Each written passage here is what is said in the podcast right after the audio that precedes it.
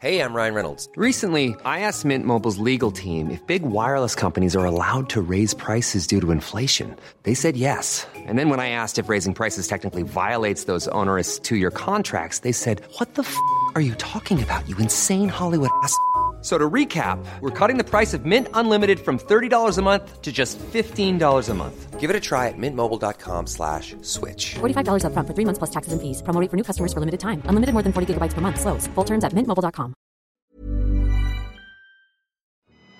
Market, common mark.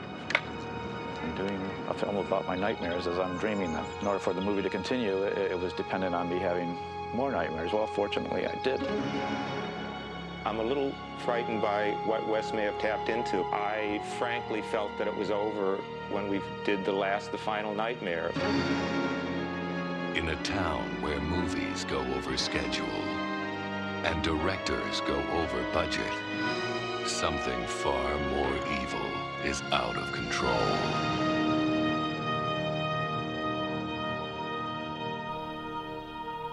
Välkommen till Skräckfilmscirkeln. Idag är det en podcast där vi gräver oss djupt in i skräckens värld och undrar varför vi inte börjat prata om blommor istället. Jag är Patrik. Mannen som ser skuggor och potentiella monster och väljer filmkvällens snacks baserat på hur effektivt de kan användas som skydd mot överraskande skräckscener. Tillsammans med mig är Fredrik. Mannen som använder popcorn som en sorts övernaturlig sköld och som fortfarande undrar varför vi inte är en trädgårdspodd istället. Så grabba tag i era pyjamaser, häll upp något varmt i muggen så hoppar vi rakt in i Wes Cravens New Nightmare från 1994 där Freddy Krueger gör en något oväntad entré. Så vi kanske ska tänka att en pyjamas nog är en underskattad del av överlevnaden i skräckfilmsscenarier. Så den här muggen, fyll den med varm choklad och sätt dig där i din skräddarsydda skräckfilmspyjamas och häng med oss på en resa. Så Fredrik, har du den skräddarsydda pyjamasen på dig nu? Nope, jag, har ald- jag sover aldrig i pyjamas. Det är emot min värdighet. Du är så här vuxen som absolut inte ska ha pyjamas. Jajamensan. Eh, Ja. blåvägrar pyjamas. Våga vä- Det är ett perfekt plakat att ha ut på någon sån här meningslös eh, aktion mot något som ingen vet vad man eh, protesterar mot. Och läget i övrigt? Det får duga under omständigheter. Det är november och grått och trist.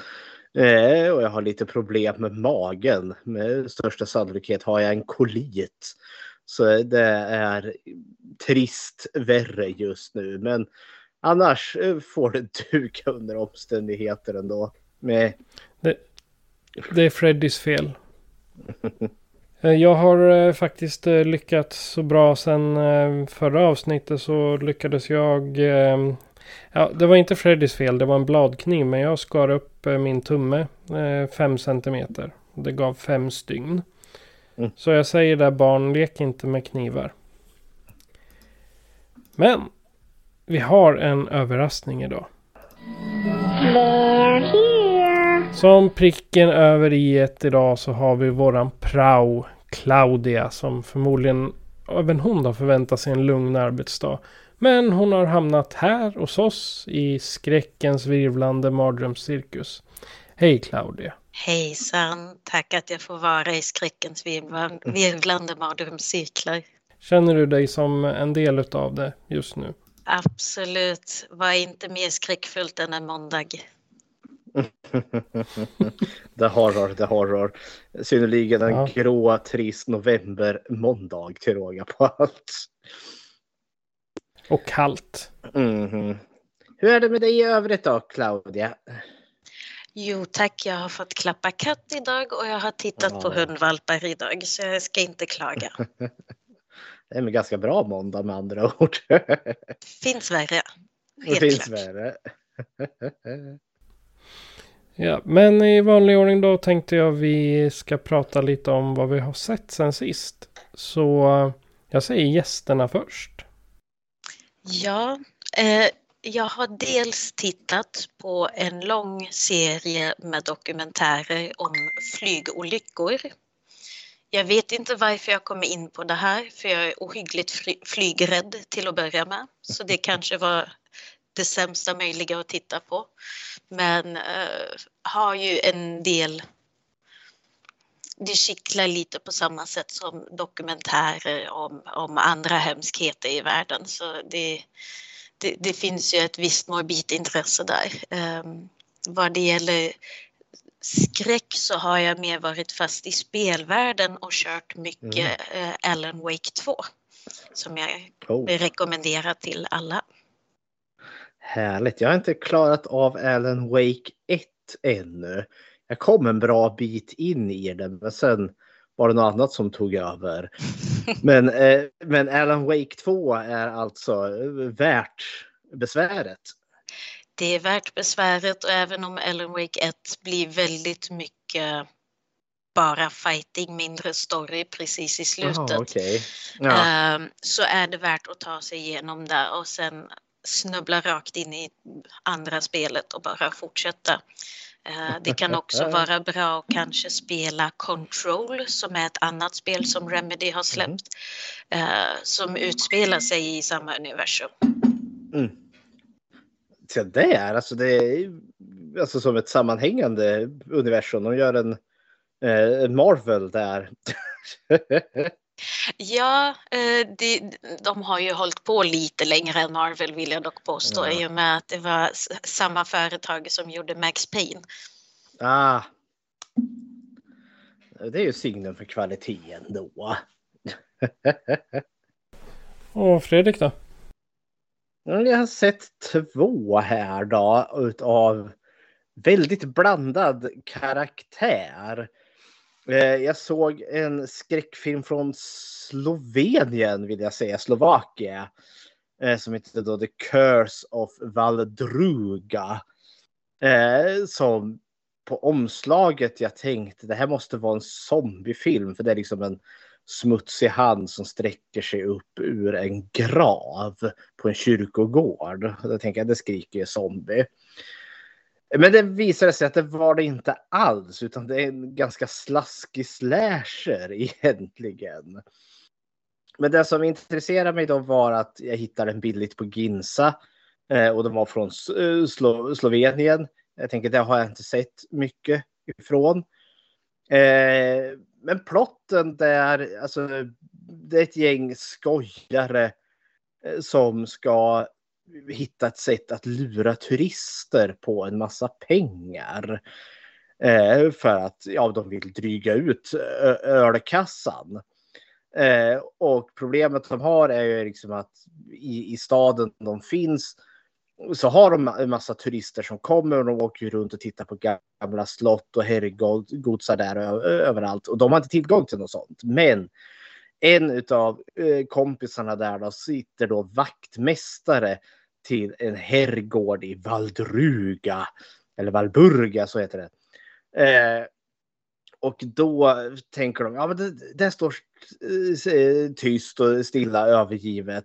Så de kokar ihop en historia om att Draculas vidriga kusin hade den där herrgården.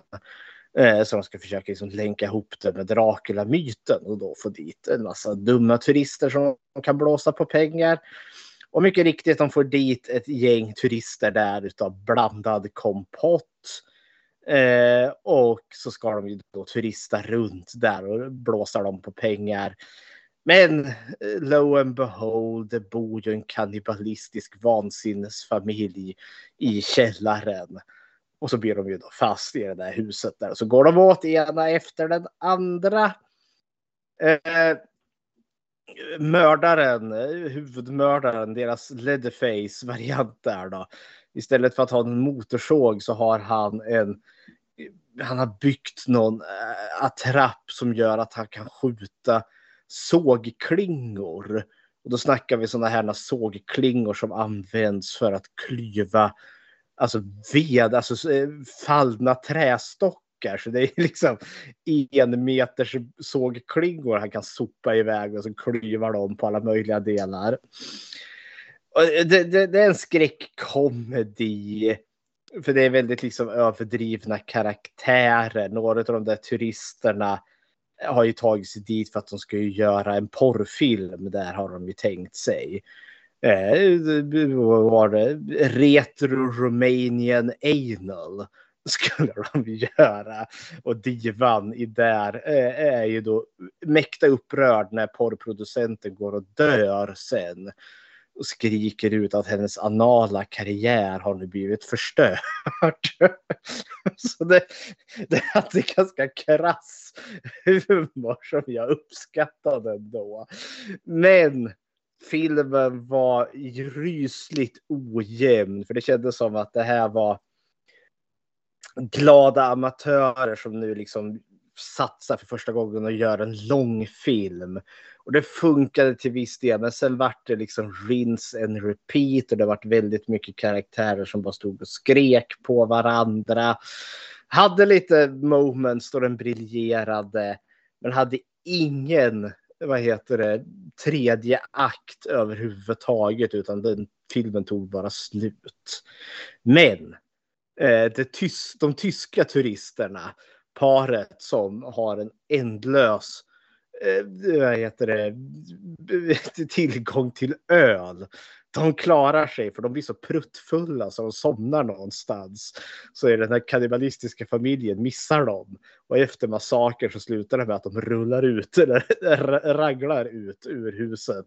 Och så går de till nästa eh, vad heter det, turistfälla. Så det var alltid något. är det något som någon av er har sett? Curse of Valbruga. Nej, faktiskt brist på det. Men det låter hilarious. ja. Och jag hade också en svensk med där som var med i något svenskt rockband som spelade en jättearg typ där med dunkla motiv. För han skulle stjäla något, någon kristall av något slag till som att kannibalerna tar han. Så eh, vi fick en liten koppling där. men eh, lite låg vattenmärke men ganska kul ändå. Sen såg jag en film då som jag har velat sett under längre tid men inte har sett ännu. Och det är då en Oscarsvinnare som vann årets eh, bästa film 2019. Där. Och det var lite udda för att det var en utländsk film. Alltså oftast brukar eh, alltså, årets bästa film gå till liksom, en amerikansk inhemsk. Men här var ju då den sydkoreanska Parasit eh, som kammade hem den. Och det är ju inte riktigt en skräckfilm även om det finns skräckeska drag i den. Men den var ju briljant på alla möjliga sätt. Handlar om en jättefattig familj eh, som liksom lever i, i ett ombyggt källare. Det, det, finns liksom en viss samhällskoppling här att ja, men, Sydkorea bland de större städerna där så är det ju så trångbott. Och ett sätt man löste detta var ju då liksom att ja, men de här källarförråden som finns. Vi bygger om dem så att de blir lägenheter. Och så kan folk bo där istället till jättebilliga pengar. Sen är ju bara de inte riktigt avsedda för att människor skulle bo i dem, vilket resulterade i att man har ju inte dragit vatten och sådana saker. Eh, och det vart en stor skandal när ett ganska kraftigt monsunregn kom eh, och som sprängde en avloppstrumma. Vilket gjorde liksom att mängder med avloppsvatten bara sprutade ut på gatorna. Och en hel del vart ju dränkta i sina alltså källarlägenheter där. Och det var alltså oftast väldigt fattigt folk som bodde där. Det är då själva liksom premissen, liksom grunden, den verkliga grunden han valde att basera den på. För vi följer en familj som bor i en sån här källarlägenhet. Men så är sonen där då i familjen får ett tips om att från en vän som då agerar eh, tutor. Hur översätter man det? Eh, han är... Studievägledare.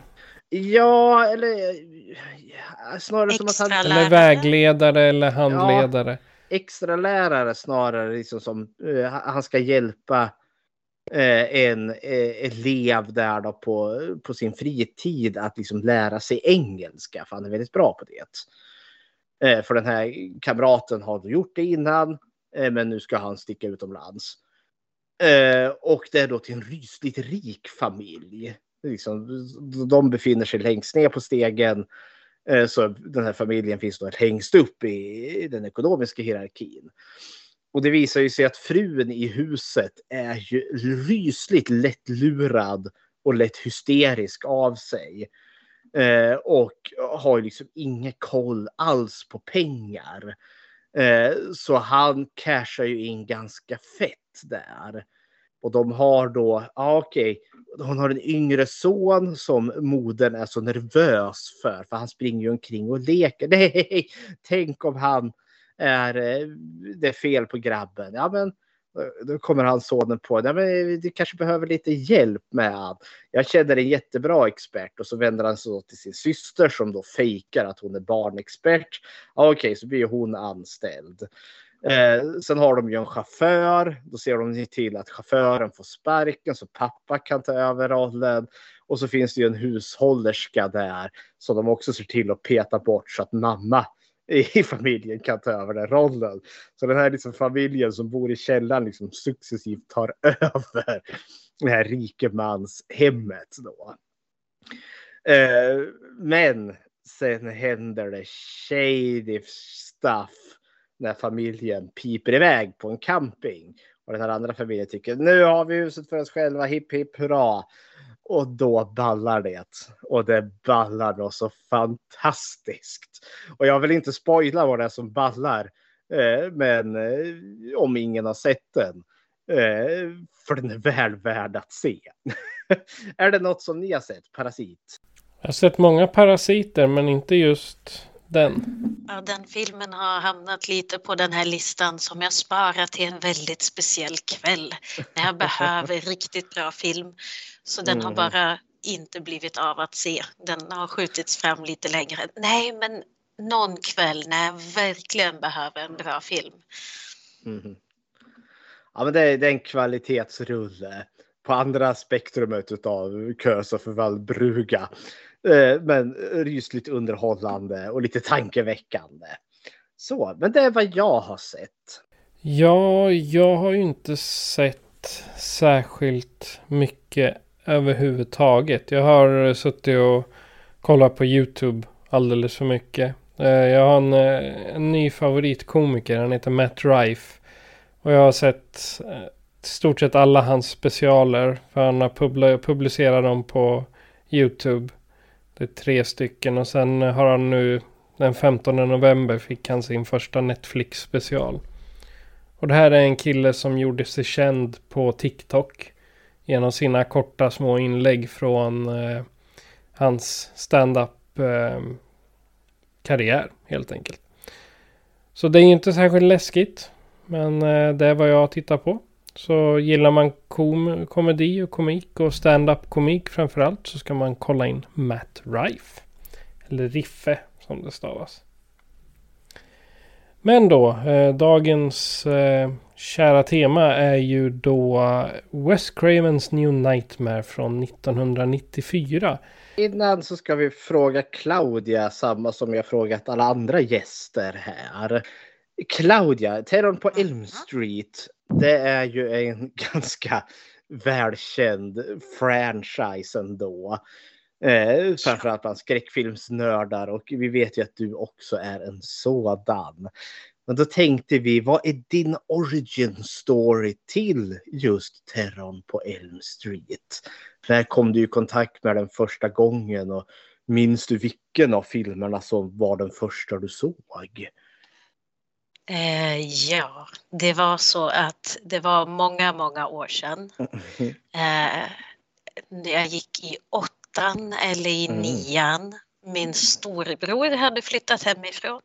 Jag fick ta över hans rum där det även ingick egen tv. Där jag hade ettan, tvåan och fyran. Och under hösten, någon av de, de höstarna, så spelade TV4 skräckfilm på kvällarna. Först var det Mhm. långfilm och direkt efter var det skräckfilm. Nice. Och någon av de kvällarna så kom faktiskt Wes Cravens New Nightmare. Så det var min allra första film i uh, Nightmare on Elm Street-serien. Så jag var ju övertygad om att nej men självklart knivarna är ju inte en handske, det sitter ju fast i handen. Så var det ju i den Mhm. filmen. Så det, självklart är det ju så i alla filmer. Eh, och väldigt mycket av hur jag trodde att Freddy skulle vara och Freddy eh, skulle se ut är från den filmen. Och när man såg första filmen så var det ändå, ja, lite kanske likt ändå, vissa skillnader men okej, det är många år emellan. Och sen såg jag resten av filmerna. Då förstod jag att det här var en lite annorlunda rulle. Nice. Ja, men då har vi redan inne där liksom, ja, första möte med den här filmen som du inledde här lite med Patrik. Första är liksom när mötte vi Wes Cravens New Nightmare och initiala tankar kring den. Och då är ju du redan inne på spåret här Claudia. Ditt första möte var ju där på flygrummet. Mm.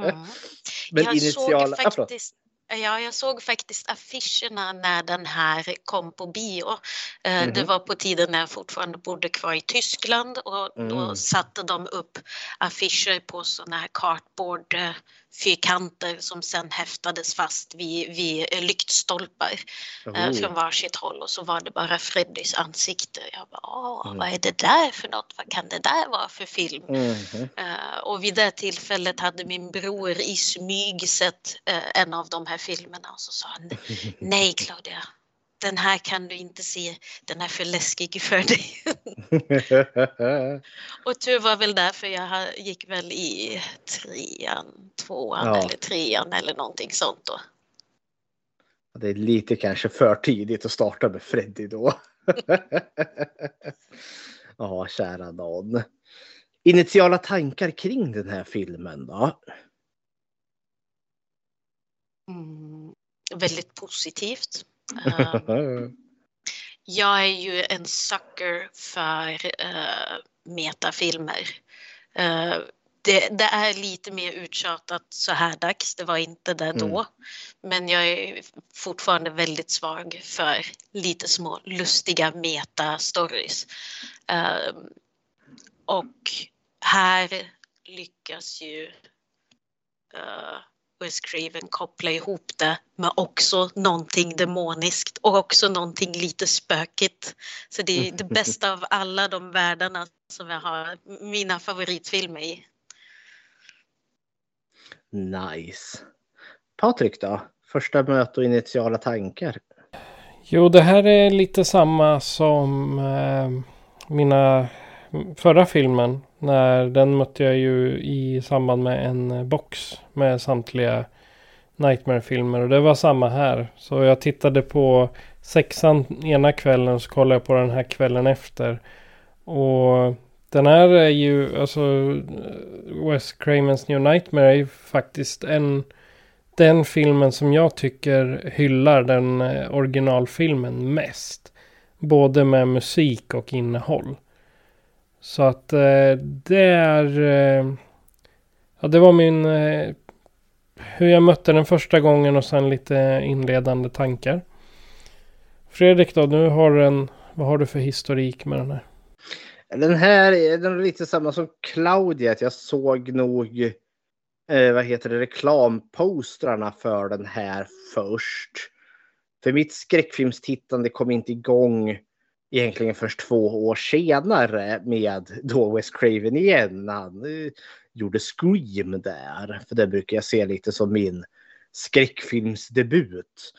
Men jag hade alltid ett stort filmintresse innan. Så jag sprang ju en hel del i hyrvideobutikerna och 94 när den här ändå så kom, då var det de här stora cardboard eh, cuts-outen. Eh, och då var det West Cravens New Nightmare och då var det ju mest den här svarta Eh, bilden med liksom Freddys liksom eh, intensivt liksom arga ögon som tittar ut i mörkret där. Eh, och det kändes ju lite spännande och jag vet att jag har liksom ugnat på själva fodralet. Och se Freddy med klorna där. Men det kändes lite för intensivt för mig då. Men som sagt, sen tog det lite stund innan jag såg den. Det var ju eh, Freddy's Dead, eh, alltså sexan som var den första jag såg. Men eh, New Nightmare, den såg jag nog inte allt för långt efter jag hade sett eh, Scream ändå. Dels också för att det var en liten skräckfilmsvåg där i kölvattnet av Scream. Men jag minns att jag såg den på typ TV1000 och hade den inbandad där på någon VHS-kassett. Eh, som gick om och om och om igen. Eh, och jag minns att jag tyckte den här filmen var bra. Att den var smart på ett sätt som jag inte riktigt kunde sätta fingret på. Eh, men eh, ja, och jag, jag, tycker väl fortfarande det, även om jag kanske ser den i lite annat ljus nu.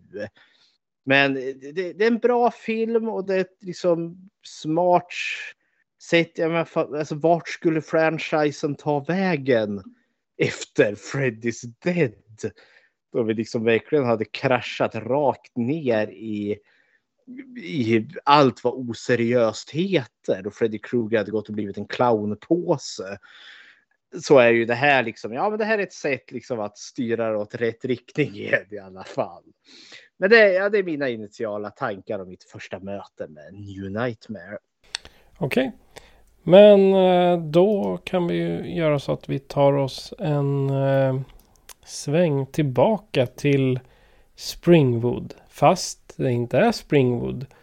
Och ser filmen eh, Wes Cravens New Nightmare från 1994. Och vi inleder med en trailer.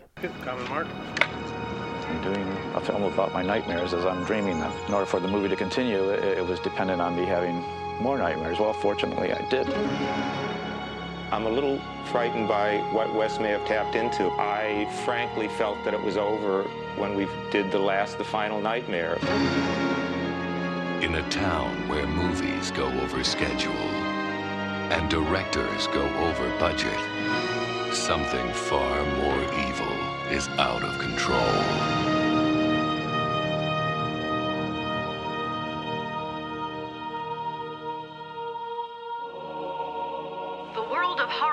Suffered its own terror today as two of Hollywood's best known special effects technicians were found dead.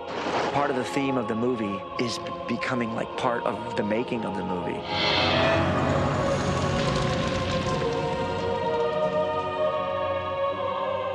Can you come with me in my dreams?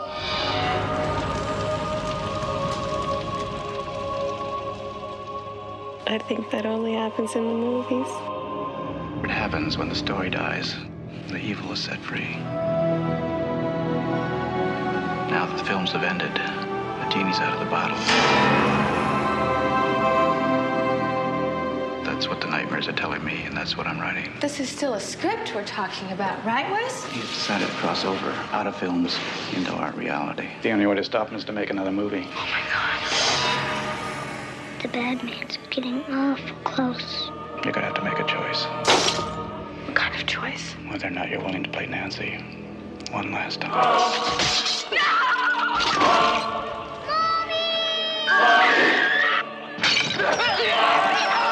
Cut the effect! Isn't there somebody who can stop him? That person's you. Who I mean? But it was you that gave Nancy her strength. Nancy. Almost. Where's my son?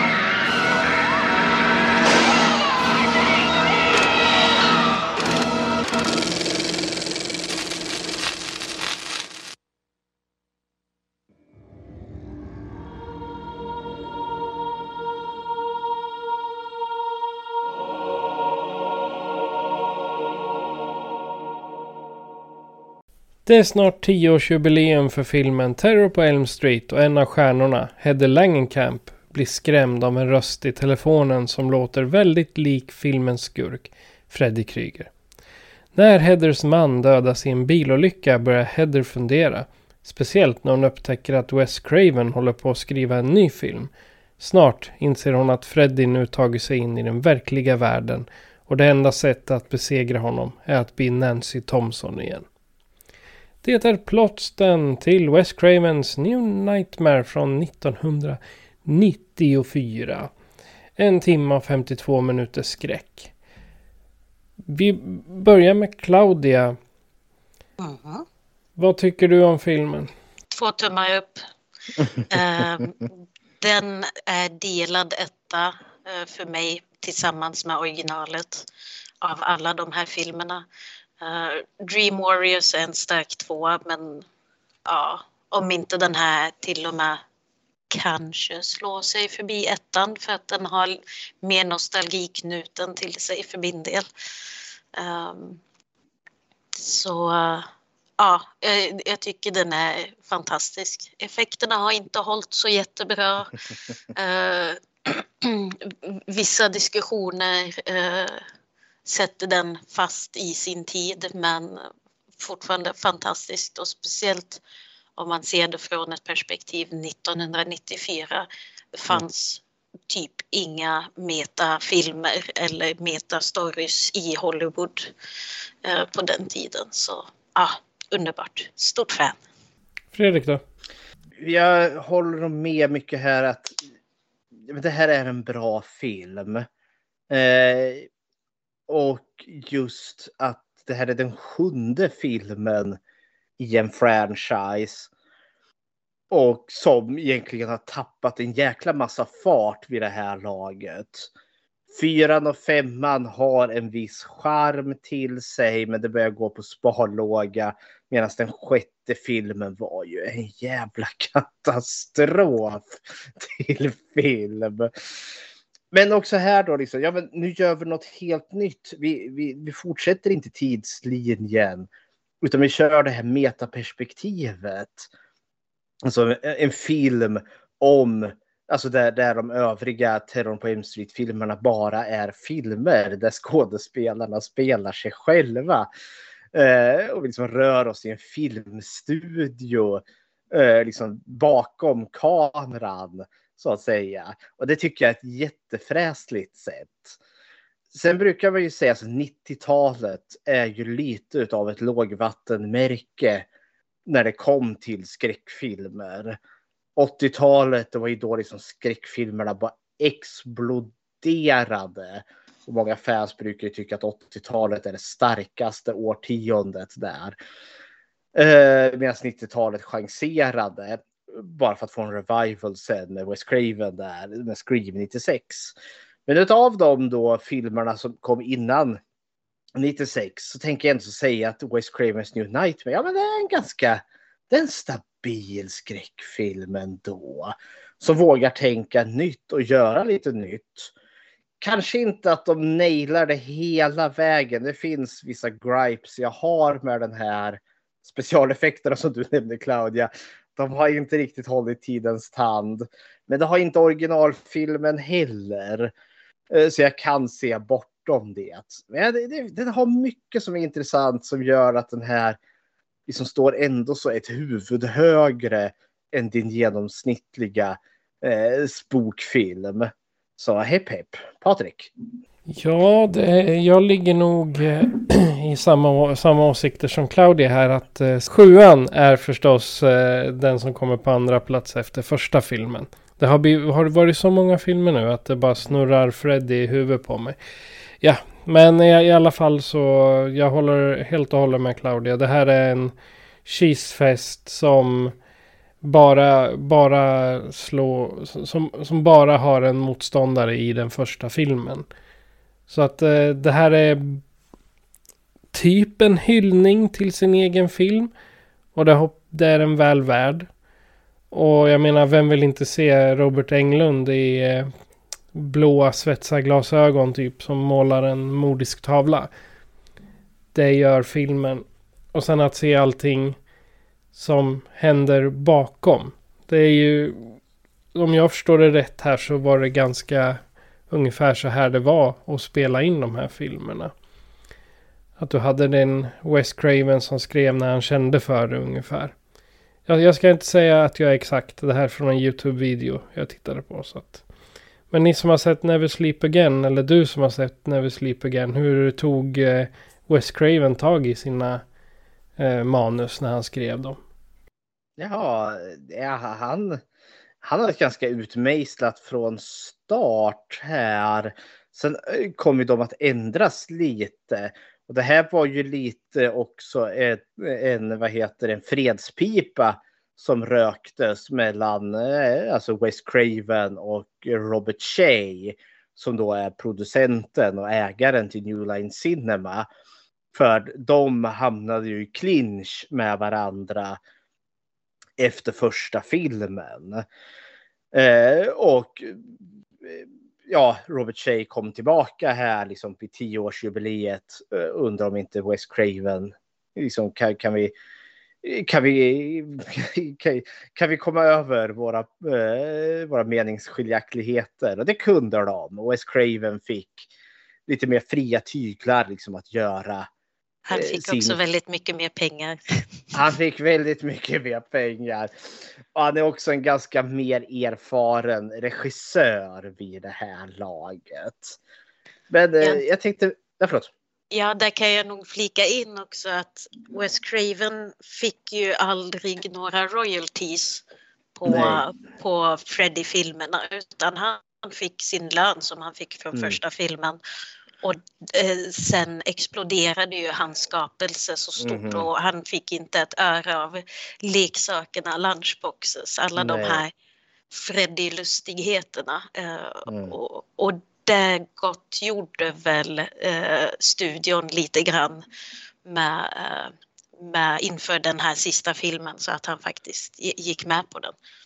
Ja, och det, jag, är på, jag har två ben här. För jag, jag, tycker att ett, det var grisigt såklart av New Line Cinema att liksom inte ge Wes Craven eh, den cred eh, som han faktiskt behövde där.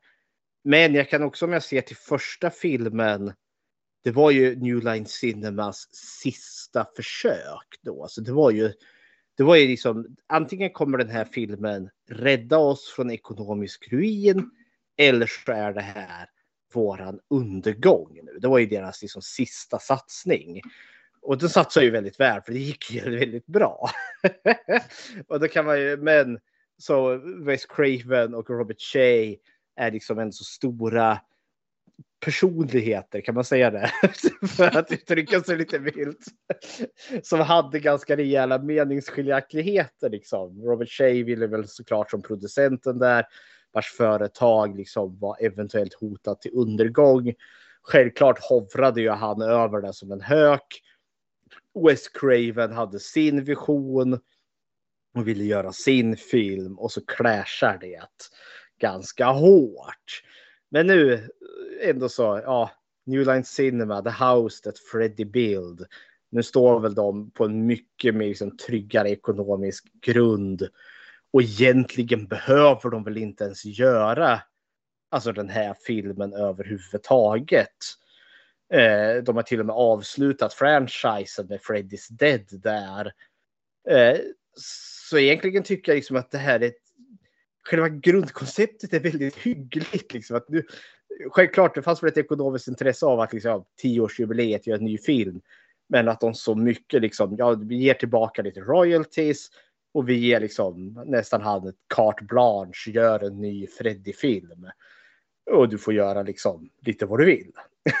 det tycker jag är ganska hyggligt ändå. Det är väldigt fint av dem. För det förstod jag också när jag såg den här Never Sleep Again. Att det här, alltså själva produktionen var en eh, väldigt okomplicerad sådan. Det var inga, inga high drama. Eh, och, och ja, men det, beskrevs som väldigt kärleksfullt. Liksom. De hade kul, väldigt familjärt över det här.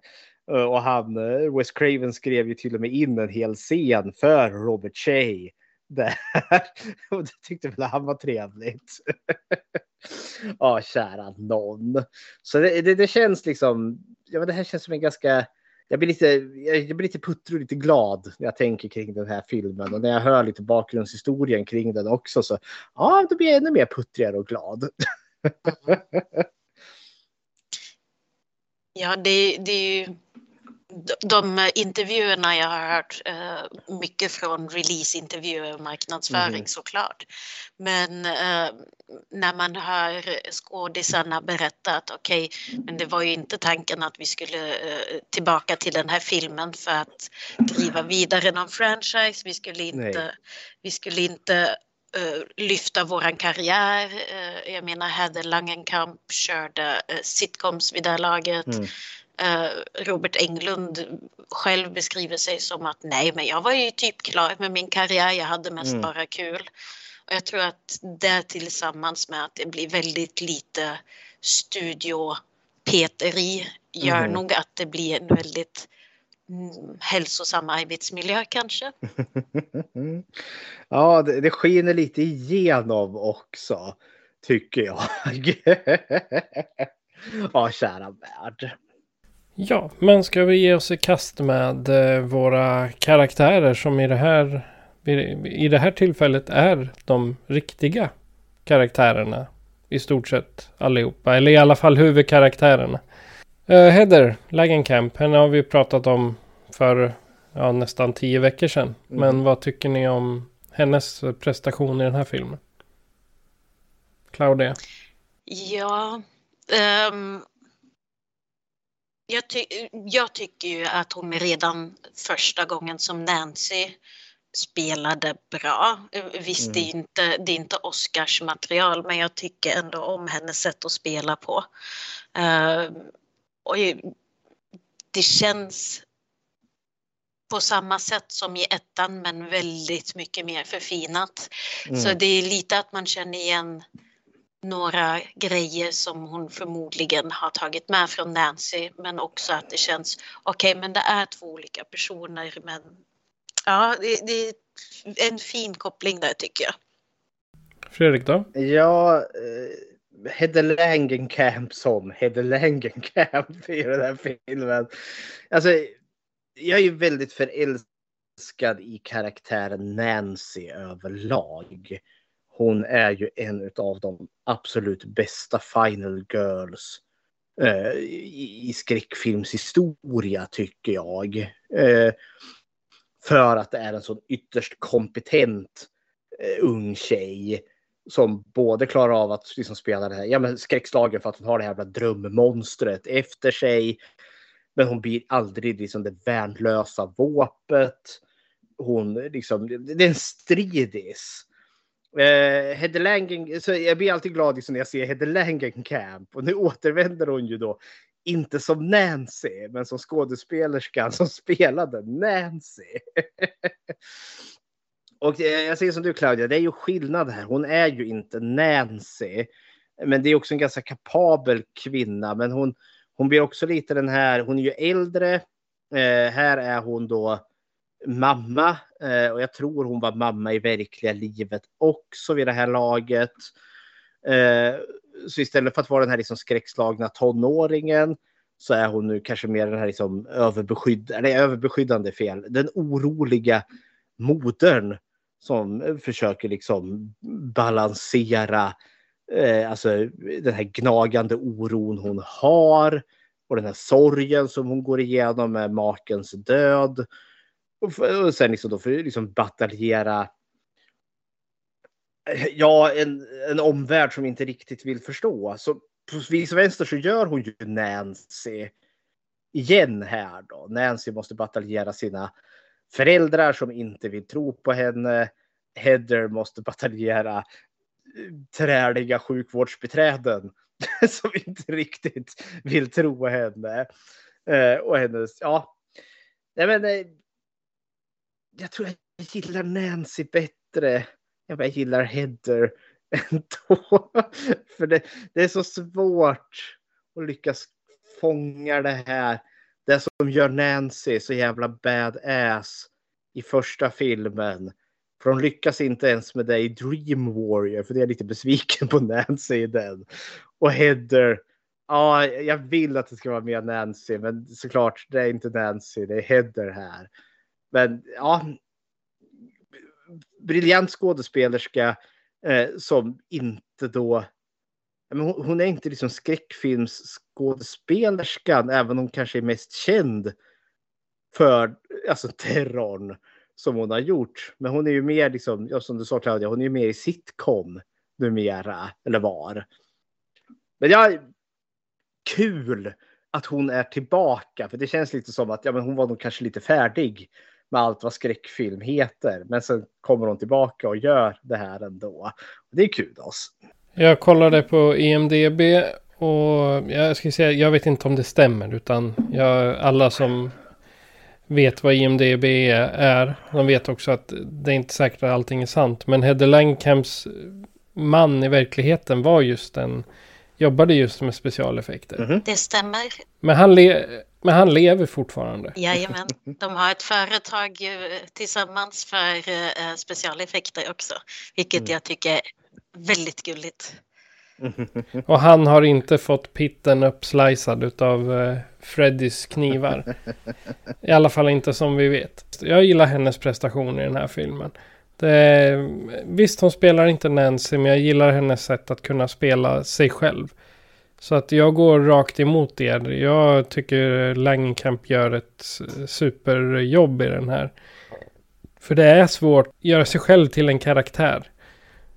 För det, det är inte lätt. Eh, jag tror inte att någon, någon skådespelare är så duktiga på att spela sig själva. Så i det här fallet så tycker jag det är ett bra en bra kontrast från att hon är sig själv eller spelar sig själv till att hon liksom där på mot slutstriden att hon kliver över och verkligen blir Nancy. Mm. Precis som eh, John eller pappan, nu kommer jag inte ihåg vad han heter. John, John Saxton. John Saxton, ja precis. Precis som, eh, som där när han bara helt plötsligt är hennes pappa. Mm. Sådär. Men eh, det, det är mina tankar om Heather. Det är liksom, vi lägger till här, är ju liksom att en del nu när jag såg om den här, alltså jag, jag ville nästan se en annan film. Jag ville, jag ville fortfarande ha Hedde Langenkamp som spelar sig själv eh, som, jag, jag ville ha mer det här av liksom hon i hennes skådespelarkarriär så märkt av att ha varit Nancy i Terrorn på Elm Street. Jag ville ha mer av det kände jag, liksom livet som skådespelare. Hon som när liksom limousinchauffören känner igen henne. Ah, du var ju med i Terrorn. Wow, wow, wow, wow. Eller någon är på den här talkshowen eh, inför tioårsjubileet och Robert Englund dyker upp där som Freddy där och alla sitter där och är helt nördar i publiken. Jag vill Barn ha... med skyltar. We ja. love you Freddy. jag ville nästan ha mer av det. Jag ville kanske nästan ha en alternativ berättelse här då, för, för hon, hon har ju en stalker. Spoiler alert, det visar sig till Freddy Krueger. Men eh, jag hade nästan velat haft den berättelsen om liksom så meta så pass att, inte, att Freddy inte ens finns med. Utan att vi har att göra med en ohälsosam liksom, fan till terrorn. Filmerna som är skitarg på henne för att man har lagt ner franchisen. Det var nästan där jag ville ha. Ja, för den, den staken hon hade i riktiga livet var ju baserad mm. på hennes sitcom. Ja. Uh, så det, det, hade ju varit en spännande twist om man skulle ha gjort en say mockumentary.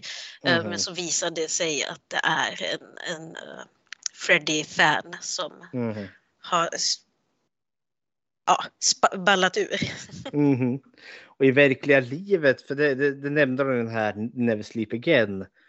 Eh, det var Craven själv som tog upp det, för det var ju det har ju varit mycket liksom moraldebatt kring skräckfilm och skräckfilms påverkan och framförallt på unga personer. Och liksom eh, mördarfilm, killer movies, create killers, liksom videovåldsdebatten och allt vad det är. Eh, och då tog han ju upp det, ja men Hedda Langenkamp fick ju en stalker efter sig. Eh, som du sa där. Och det var, det var så intensivt så att hon var tvungen att flytta utomlands. Hon bodde i London i fem månader för att liksom komma ifrån det här. Men den stalkern var ju inte ute efter henne på grund av terrorfilmerna. Utan det var ju den här sitcomen som hon var med i som var populär som nu hade lagts ner. Och då slog ju den här personen näven i bordet. Hur understår du dig? Ah! Så det var ju liksom en sån gullig liksom familjekomedi som fick stalkern att tilta, inte en blodig skräckfilm. Det låter rimligt måste jag säga. Jag tycker det. Ja, kära någon. Men sen jag tänker kanske lite till varför. Eh, det är lite den här, alltså. Oh, hon är den stridande modern. Eh, varför jag ändå så hakar upp med det. Alltså, Hedde Langenkamp är jättebra. Ingenting emot det, utan det. Men det är just där att i, i första filmen de spelar Nancy. Där det, det är sin egen överlevnad hon har. Hon har sin egen agens. Det är liksom för min överlevnad som hon måste strida. Eh, Medan i den här så är det ju liksom väldigt mycket pojken, alltså sonen. Och det är inte så märkligt liksom, att hon har familj här nu. Eh, men det blir liksom, det, det är något som får det liksom att skava lite. Liksom. Hon var liksom mer badass innan just för att hon får strida för sin egen agens istället för liksom att vi har eh, en yttre person som är hotad i, i form av ett barn här då. Jag vet inte varför. Det, det är kanske bara jag som är trulig gubbe här. Sitter och stör mig lite på det. Men jag vet inte. Har ni några tankar kring det? Börjar du Claudia? Mm. Ja, alltså. Jag undrar om det är för att när det är en stridande moder då blir det helt plötsligt helt andra eh, mm. stereotyper som blir kopplade till det hela och man tänker mm. på, på rollen på lite olika sätt. Um, sen håller jag med om att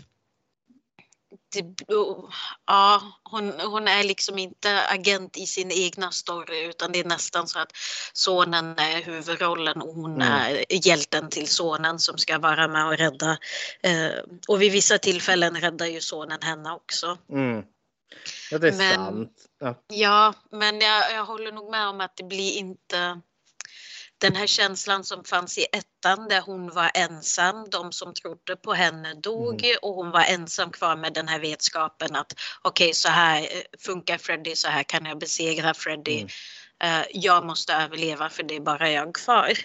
Mm. Den försvinner ju lite när hon delar den här upplevelsen tillsammans med sin son. Ja, och det finns delar här som jag också hakade upp mig lite på för som i första filmen, där är hon ju då väldigt liksom. Hon gör upp en plan. Eh, hon gömmer kaffemaskinen. Hon, hon liksom testar drömvärlden och allt vad det är. Eh, liksom, det, hon, hon, liksom, hon är progressiv. Hon gör saker och ting. I den här upplever jag att hon är mycket mer passiv det är mycket liksom, oh, jag är orolig för min son. Jag sitter och pratar med John Saxton eller jag ringer Robert Englund. Jag pratar med eh, Wes Craven eller något sånt där. Hon, hon lägger lite av ett pussel för liksom, som egentligen bekräftar liksom kanske lite den gnagande oron hon har att Freddy Krueger är ett riktigt monster här.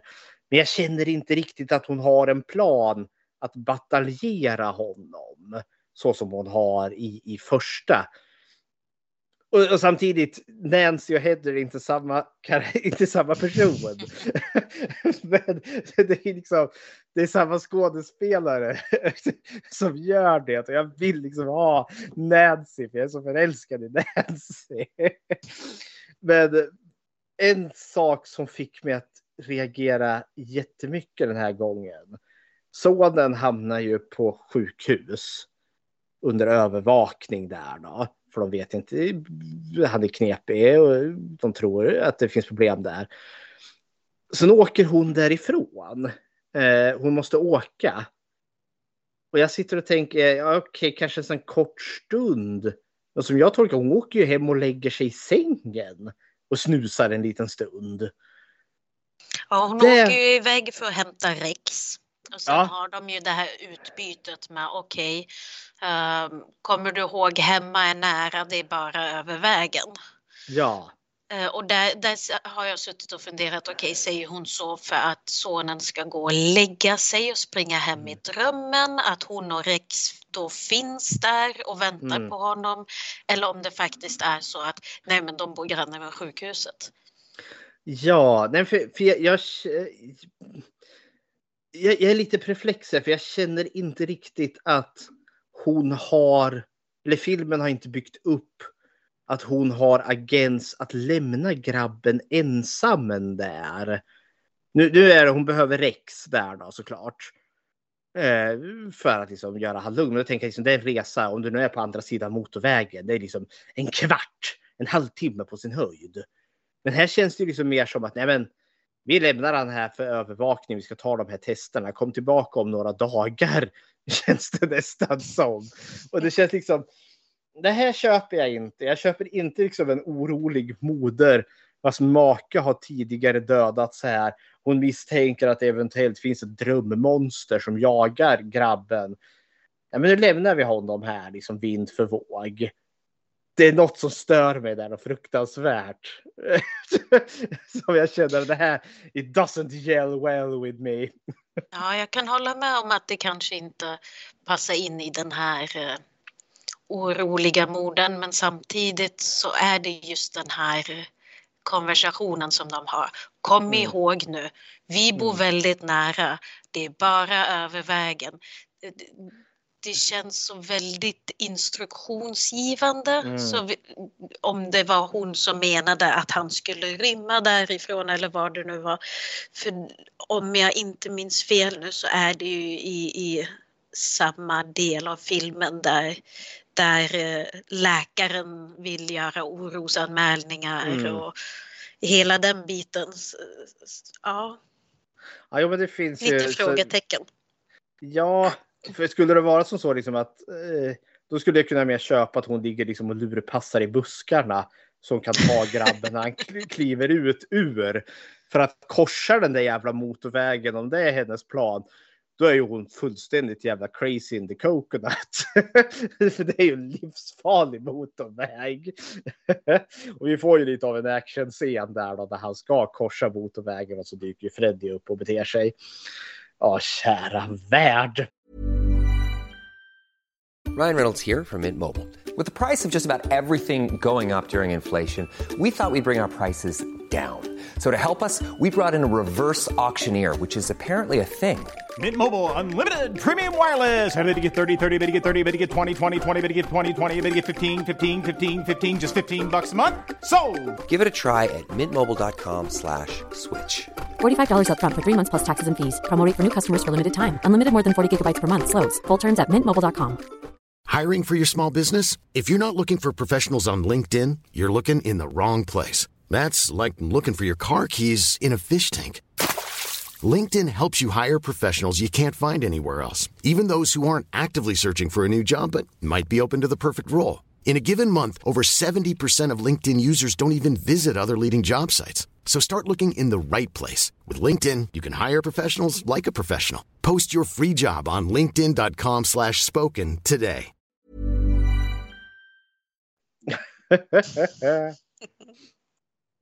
Ja, som sagt, Heather Langenkamp är alltid väldigt trevlig, men det är inte Nancy den här gången. Och jag, jag önskar mera, men... eh,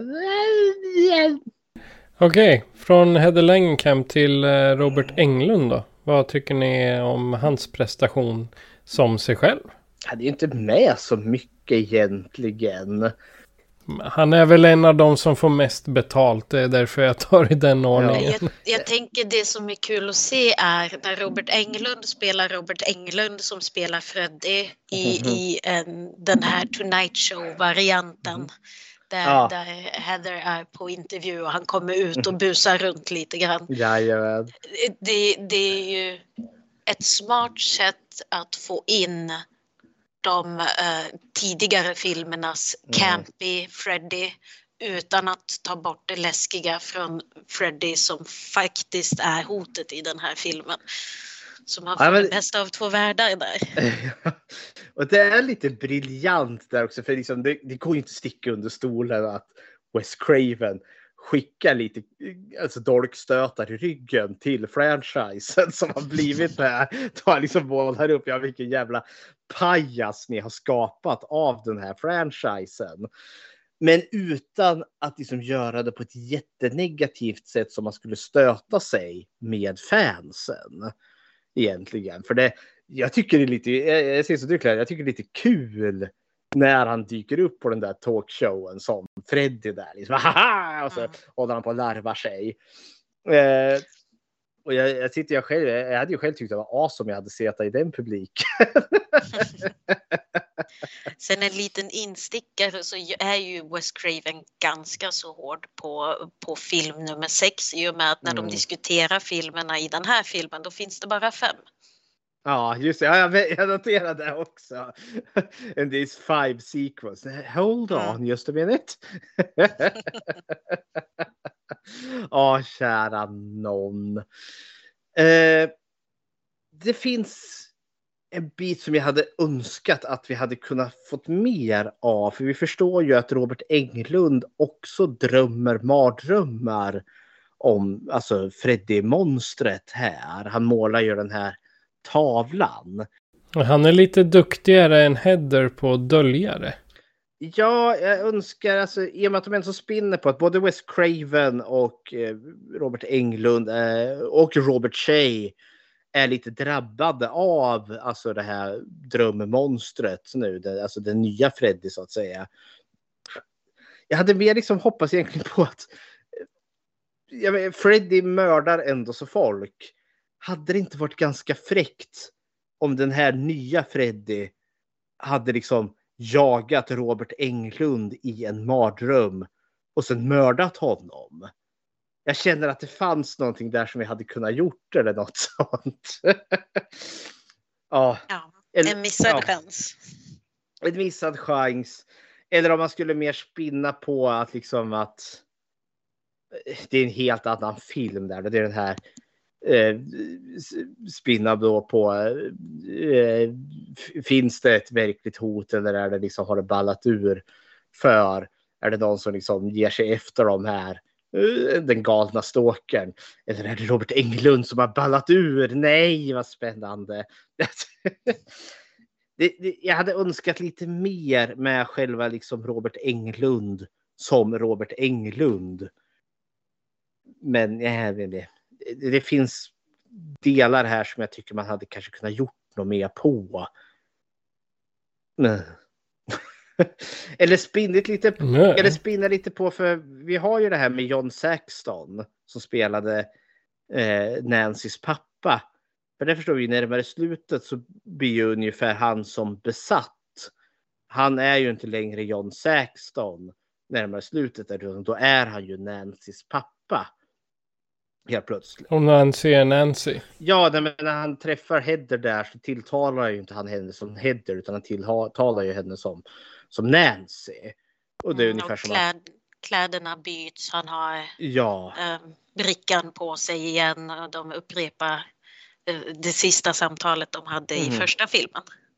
Ja, för jag tänker det hade också kunnat vara lite kul att spinna då på, alltså vad hände med Robert Englund?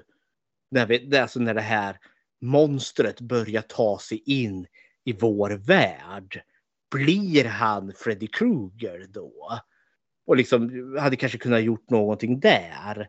Liksom Robert Englund som börjar förlora sitt jag och bli det här monstret han skådespelar.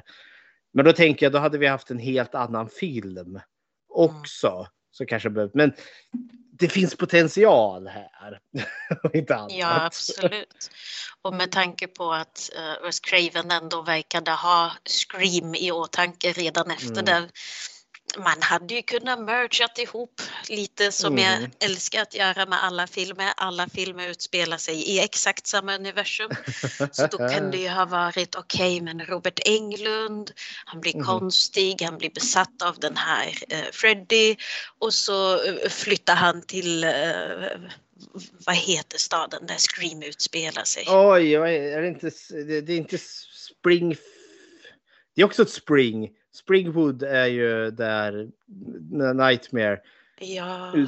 Och den, den heter Springfield, är Simpsons. Nej, Wo- Woodsboro. Så. Woodsboro. Han ja. flyttar till Woodsboro och någon av hans barn blir, blir Scream-människan för att han har Ja. varit så konstig som förälder. Det, det hade ju varit en perfekt överlappning där. Fräckt. Men Robert Ja. Englund är ju som vanligt alltid löjligt eh, Han är ju det. både i intervjuer och här när han ska spela sig själv. Eh, Riktigt skön människa helt enkelt. Mhm. Well, fuck me in my mouth. Fuck me in the mouth. Som vi fick lära oss av Ulf att det var tydligen någonting han sa i tid och otid. Den karln. Så liksom, jaha, okej. Jag fick just ett meddelande från min sambo och bara Vad fan skriker du? Ja, kära värld. Men vi har ju att återkomma till honom sen under hotet här också. Men ska vi ta våra huvudkaraktärer? Ska vi ta eh, pojkvännen? Karaktären heter Chase. Eller pappa. Ja, eller- David Newsom. Ja. Eh, Han är ju inte med så länge för han är ju det första mordoffret. Eh, Men eh, vad tycks det? Inte en favvis. Ehm, jag vet inte om det beror på castingen eller Mm. på instruktionerna han fick av regissören eller Mm. på vad som stod i manuset. Men han verkar li- lite lite seriemördarpotential tycker jag. ja, det, det, det är något som skaver lite med honom också för mig.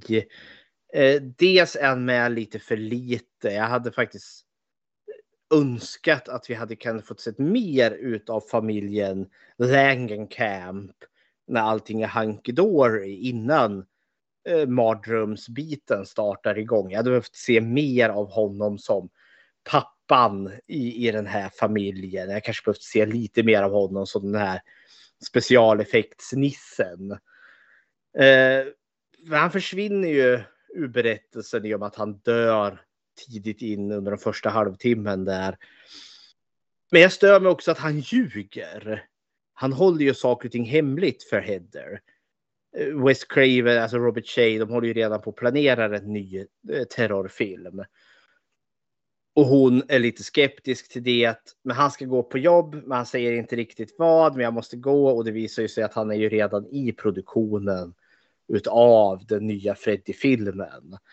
Och det, mm, nej, it doesn't fly well with me. Vad, vad är det här för...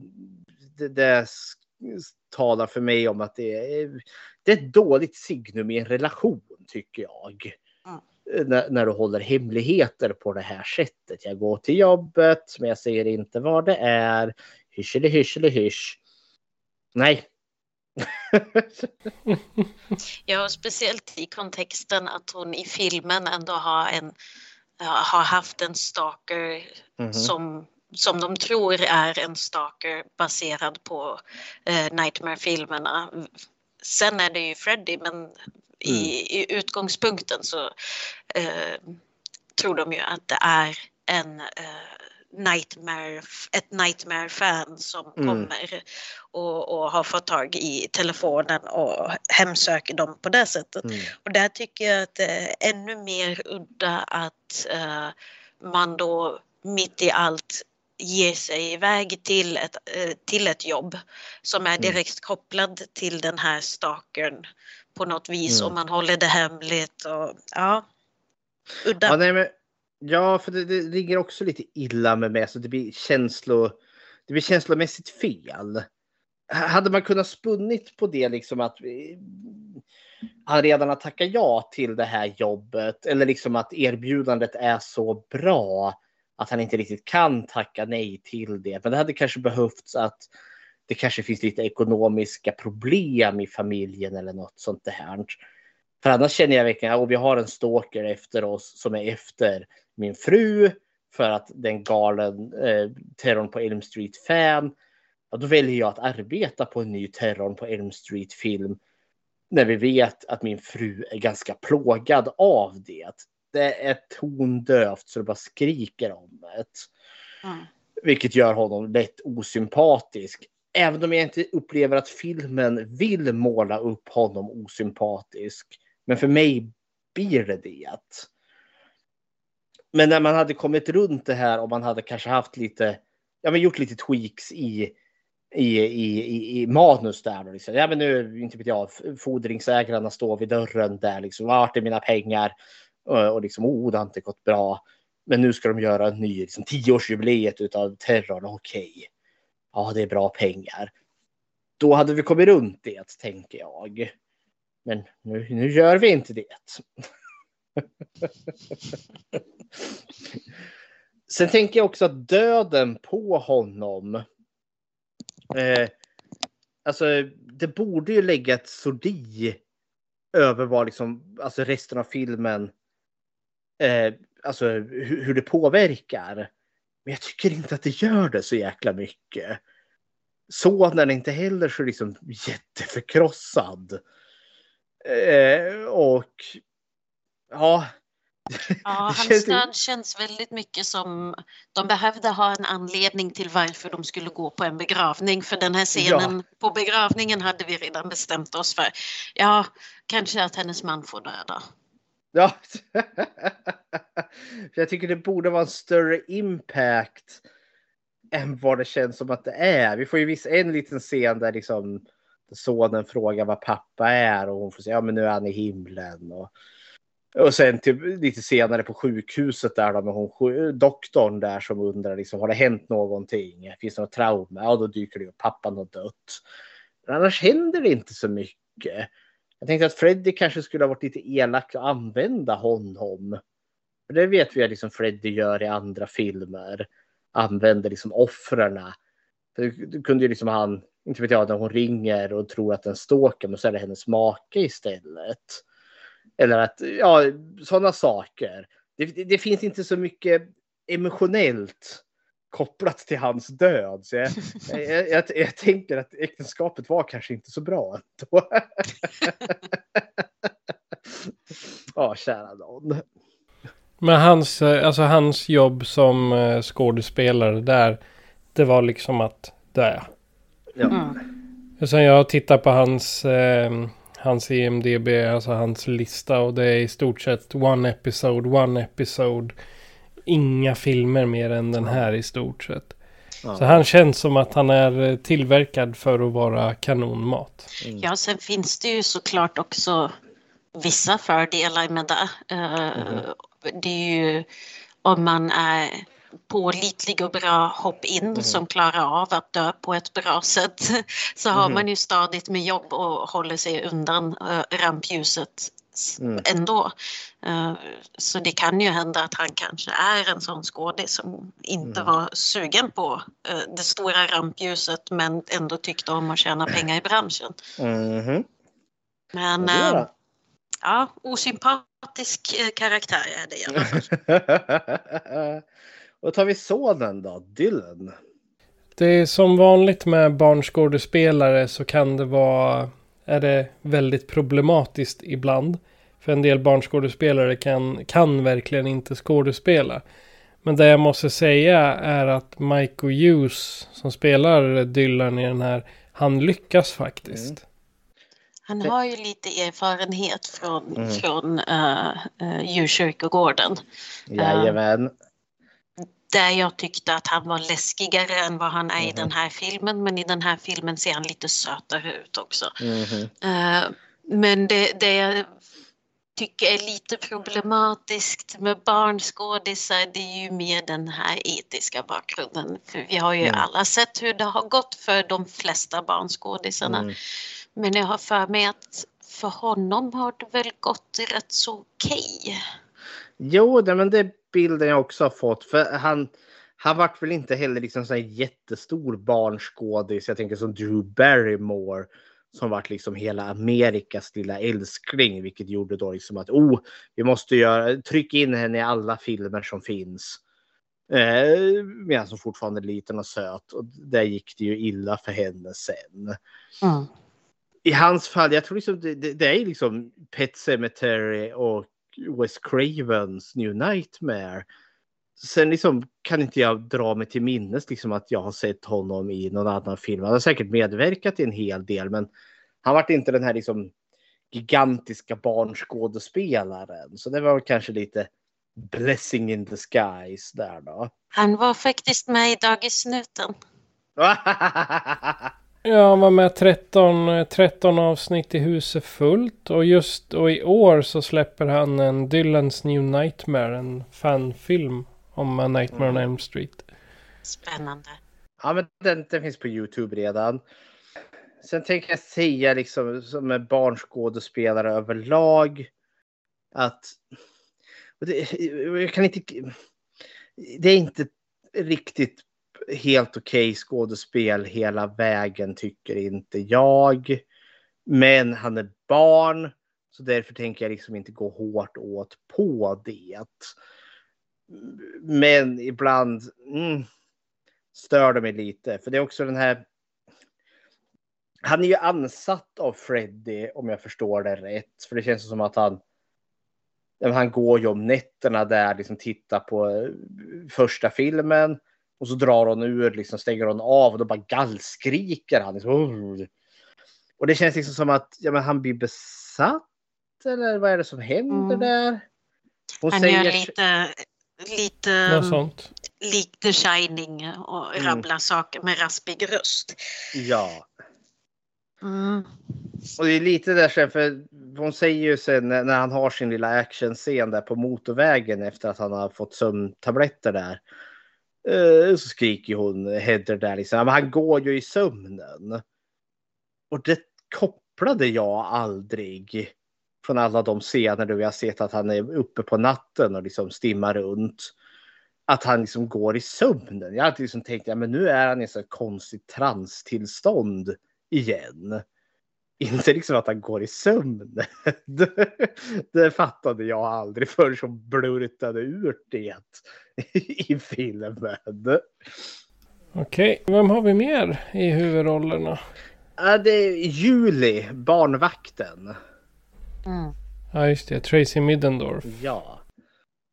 Uh, hon är inte med så mycket egentligen, men här är det kanske lite mer Alltså, hon, hon kommer ju att figurera alltså, eh, det ikoniska första mordet från första filmen. Eh, med, med Tina där som han släpar upp i taket. För det kommer vi få en, alltså en kopia på i den här filmen. Hon är väl lite kul på det sättet att hon, det fanns ju en annan tanke i, i originalmanus med henne. Hon skulle ju vara eh, en allierad med Freddy Krueger. Det var ju hon som var tanken att hon skulle ha varit den här stalkern eh, som ringer och beter sig. Eh, och att, liksom, att hon är lierad med den här onda demonen. Eh, men det skrotar de senare. Men det finns eh, alltså en liten, liten bit som faktiskt är kvar utav det i den här filmen då hon sitter barnvakt. Och jag tror det är när poliserna kom, eller ja, det är någon scen där och det nämns någonting med någonting och då finns det en liten kort scen liksom med, med, med, blick på henne där då. Då hon är lite smal i blicken. Där liksom, ja, nej, nej, nej, nej.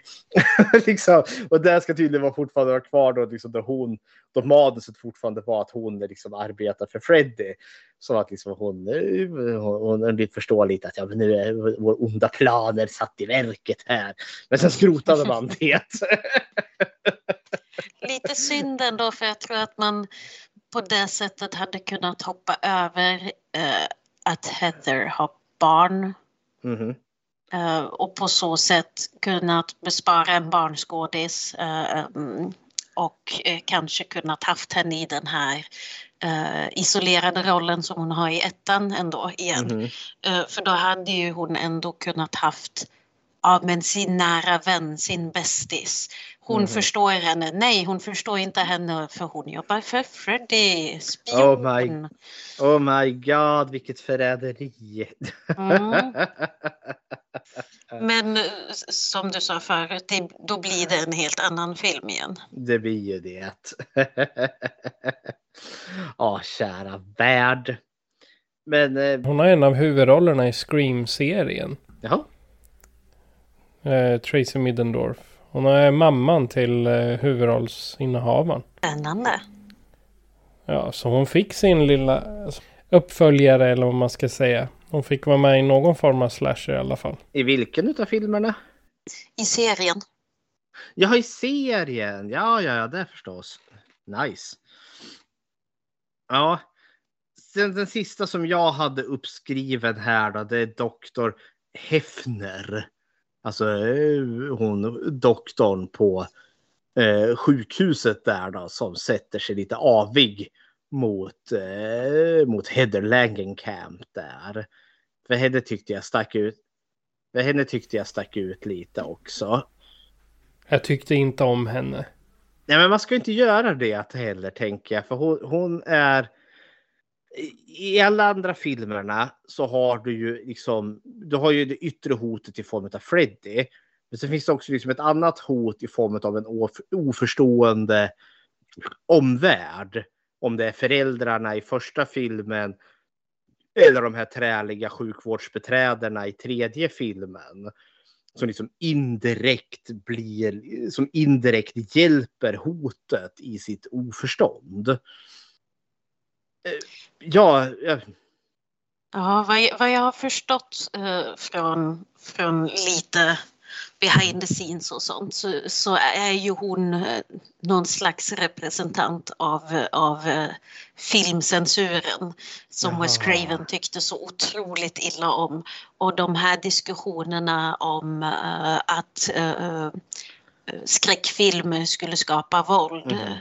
Mm. Um, och i, i de diskussionerna så lyfte han ju eh, lite de här grejerna med att eh, skräckfilm är en copingstrategi och mm. i många intervjuer så frågar ju folk ja fast du har ju skapat den här onda karaktären i doktorn mm. eh, som, som förstör för, för eh, nu höll jag på att säga Nancy men för Heather ehm, men äh, finns det inte någonting i det hon säger och han är så väldigt tydlig när han berättar att nej men det är skräckfilm och filmer om våld där våldet inte äh, glorifieras utan där det mm. lyfts äh, som ett stort hot är en copingstrategi för folk och det är någonting mm. som folk använder för att hantera de, den faktiska farliga grejerna som kan finnas i världen. Mm.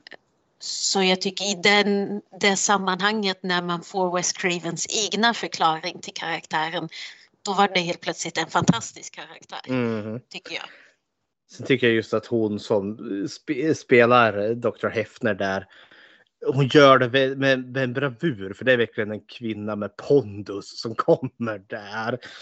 Men också just det där att hon stirrar ju sig också lite blind på, ja men du har varit med i de här läskiga skräckfilmerna, därför är det din son är liksom traumatiserad för han har sett dina filmer.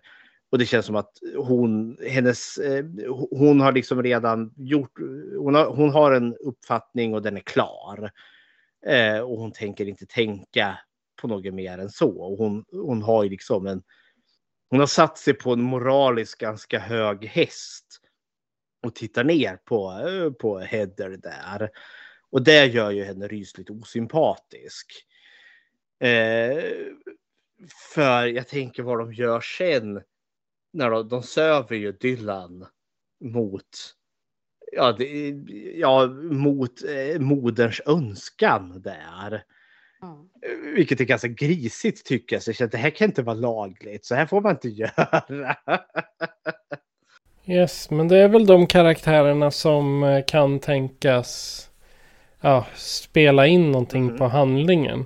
Ja, jag ska säga en sak. Carly Fredriksson som spelade limousinföraren. Mm. Han trodde jag skulle vara en en uh, shady dude. Alltså att Freddy skulle använda honom till någonting. Men så blev det inte. Man hade bara den uppsynen. Men det var bara en extra kommentar. Ja. Då så. Vi är tillbaka till... Eh, inte... Jo, Springwood. Nej, det är vi inte. Vi är ju i Nej. Hollywood, Los Angeles här. Ja, Precis, vi är i Hollywood. Vi är inte i Springwood. För det, det är inte en sån film. Man blandar gärna ihop de här. Vi är i Hollywood. Var, var platserna vi är på. Hur genuina känns de? Ja, de känns väl ganska genuina ändå. Alltså för vi, även om vi inte är i Springwood så är vi ju ändå så i rent tematiskt i ett Springwood-liknande område. För Springwood har ju alltid varit den övre medelklassen, alltså de här fina villorna eh, med ja, mycket utrymme, pengar finns, gröna klippta gräsmattor. Nu rör vi oss liksom i Camps hus, eller ja, den här filmens variation av hennes hus. Eller så är vi hemma hos Wes Craven på hans liksom skådespelarvilla. Eller hos Robert Englund. Så vi rör oss liksom i en miljö som är ganska liksom fin och polerad ändå.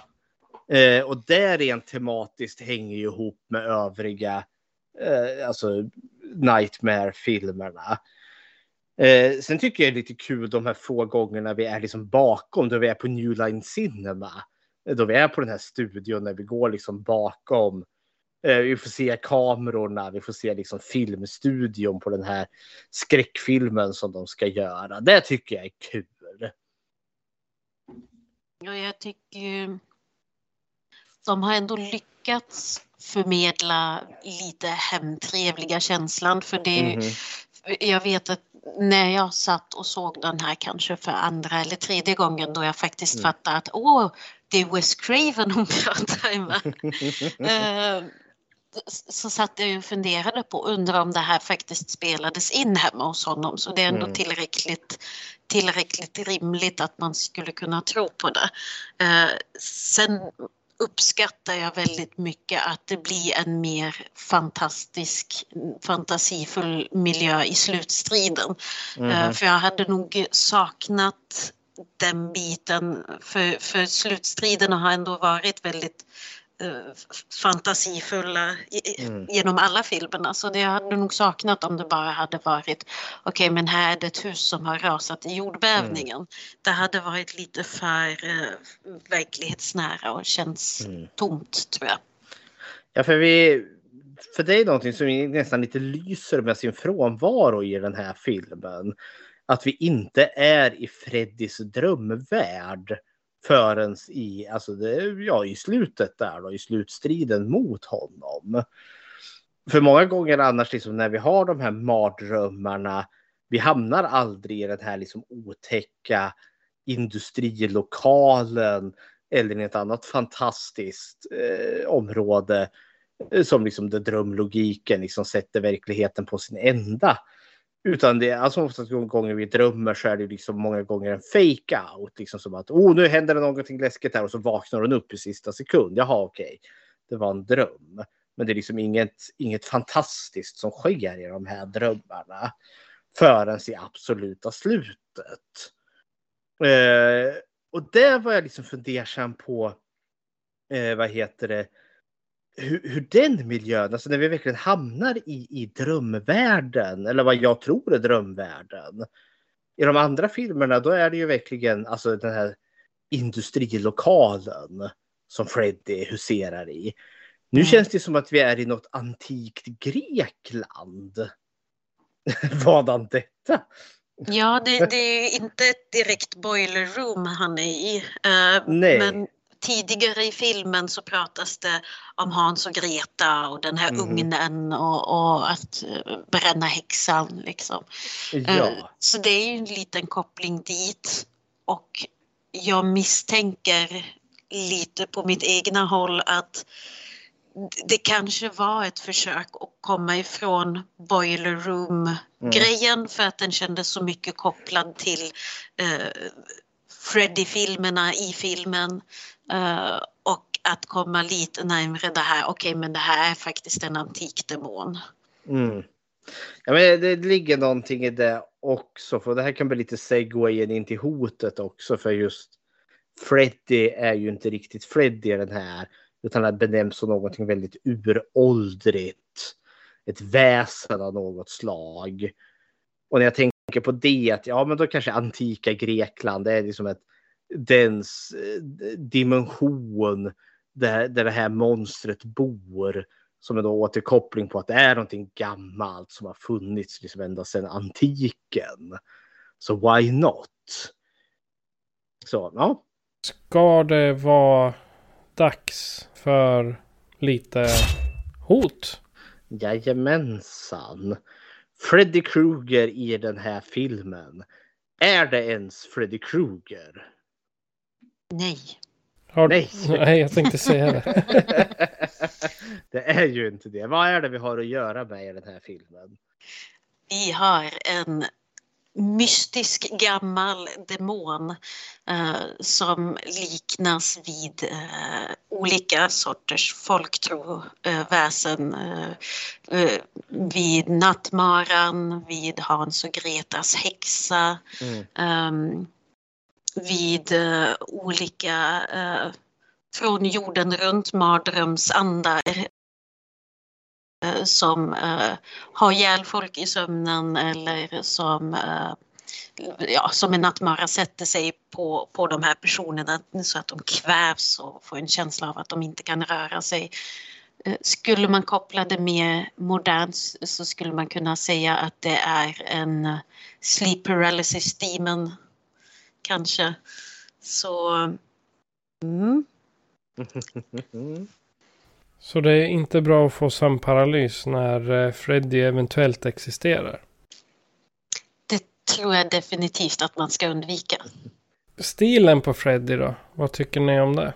Ja, man har ju förändrat han ganska rejält här. Eh, ja, men som, du, som du nämnde här Claudia, liksom att ja, men, handsken är ju liksom en del utav hans hand numera. Eh, för det känns ju väldigt mycket mer köttig och sen känns det som att han har dragit liksom lite metall kring sina leder. Liksom, handsken är infusad eh, med hans egen hand numera. Mm, I min, mitt ungdomliga jag när jag började upptäcka de andra filmerna så Mhm. var jag ju övertygad om att när eh, de bränner honom så bränner ju handsken fast i handen. Är så det Ah. måste hända. Så det är fortfarande lite headcanon för mig. Eh, men just med hans mask så har jag lite pet töntiga, noggranna eh, eh, missnöjdheter. Och det är att jag tycker att köttet som ska titta ut mellan hudflikarna ser snustort ut. Ja. Och det, det känns väldigt fel. Det, det känns som, nej men det här ska ju vara, det ska ju se rått ut, det ska se nytt ut, det ska vara lite äckligt, lite, lite glanshjälp och det där hade nog gjort mycket skillnad.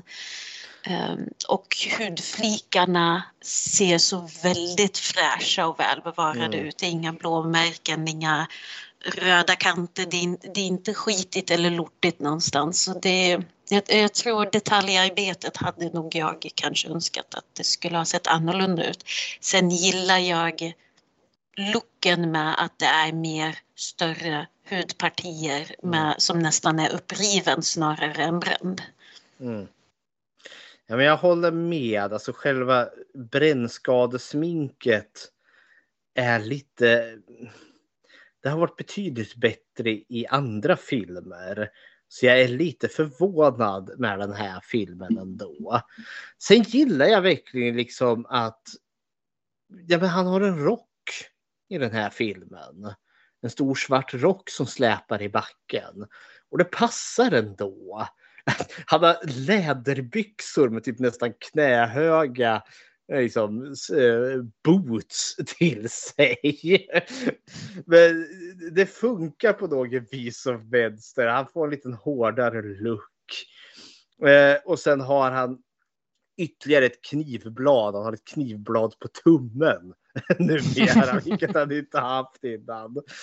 Eh, så själva sminket tycker jag är lite si och så där, men annars tycker jag det är en ganska liksom, häftig liksom, uppdatering av han. Men i väldigt många scener så har han inte hatten. Han har endast hatten eh, när han mördar barnvakten. Och det fattas liksom den siluetten. Freddy har en hatt. det, det saknade jag ganska mycket i den här filmen, ska jag villigt erkänna. Och för det är ju något han har igenom eh, alla andra filmer i stort sett. Ja, det är lite av en plot point i första. Hon lyckas ta hans hatt. Det är då hon inser att hon kan ta, om hon får någonting från drömvärlden så kan hon dra in liksom han i verkliga världen och då blir han sårbar. Är det så, kanske äh... därför han har tagit av sig hatten? Varför inte? Men annars tycker jag det här är en ganska fräslig uppdatering av honom. Men som sagt, liksom, det finns detaljer som jag hade önskat att man hade kanske ansträngt sig lite mer på. Jag är nog med på dig Claudia väldigt mycket just att själva sminket hade kunnat gjort något mer så han inte ser så plastig ut.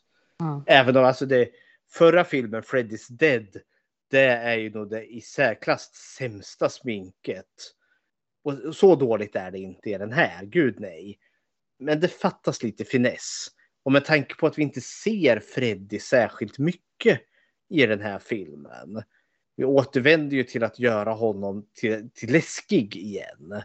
Och då tänker jag liksom, nu när vi har sett de här filmerna, eller jag, Patrik och jag har sett de här filmerna så nära in på varandra.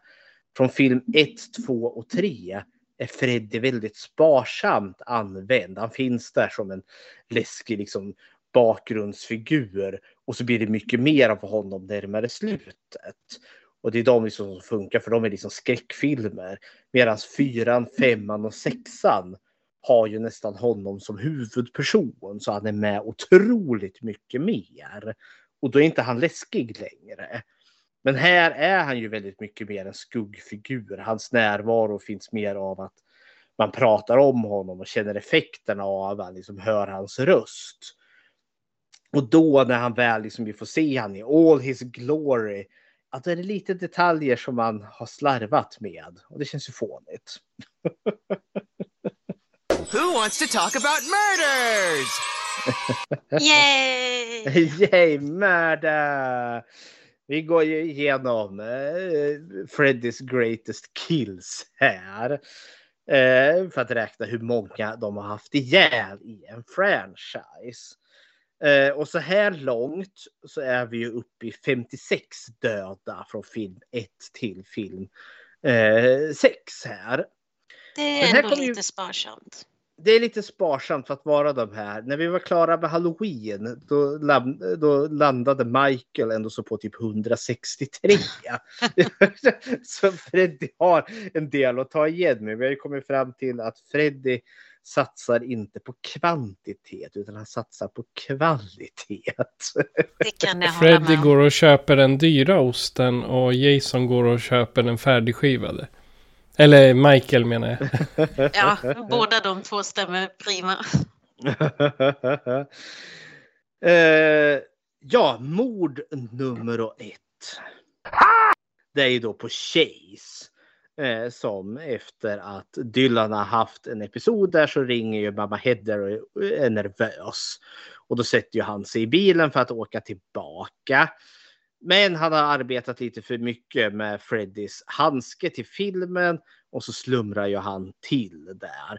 Och då kommer ju Freddys klor rakt upp ur sätet och hugger han i bröstet och river upp ja, bröstkorg och mage på han. Och det resulterar i att han kör bilen av vägen och då dör han. Oh no. Mord nummer två. Är då på Terry. Det är en, en ytterligare en utav specialeffektskillarna. Och den här är lite lurig för liksom, vi får se det här mordet precis i början i Heathers mardröm. Men det har inte skett ännu. Jag antar att det är det som sker. För vi får ju höra i nyheterna sen att han har blivit mördad på en olycka på filminspelningen.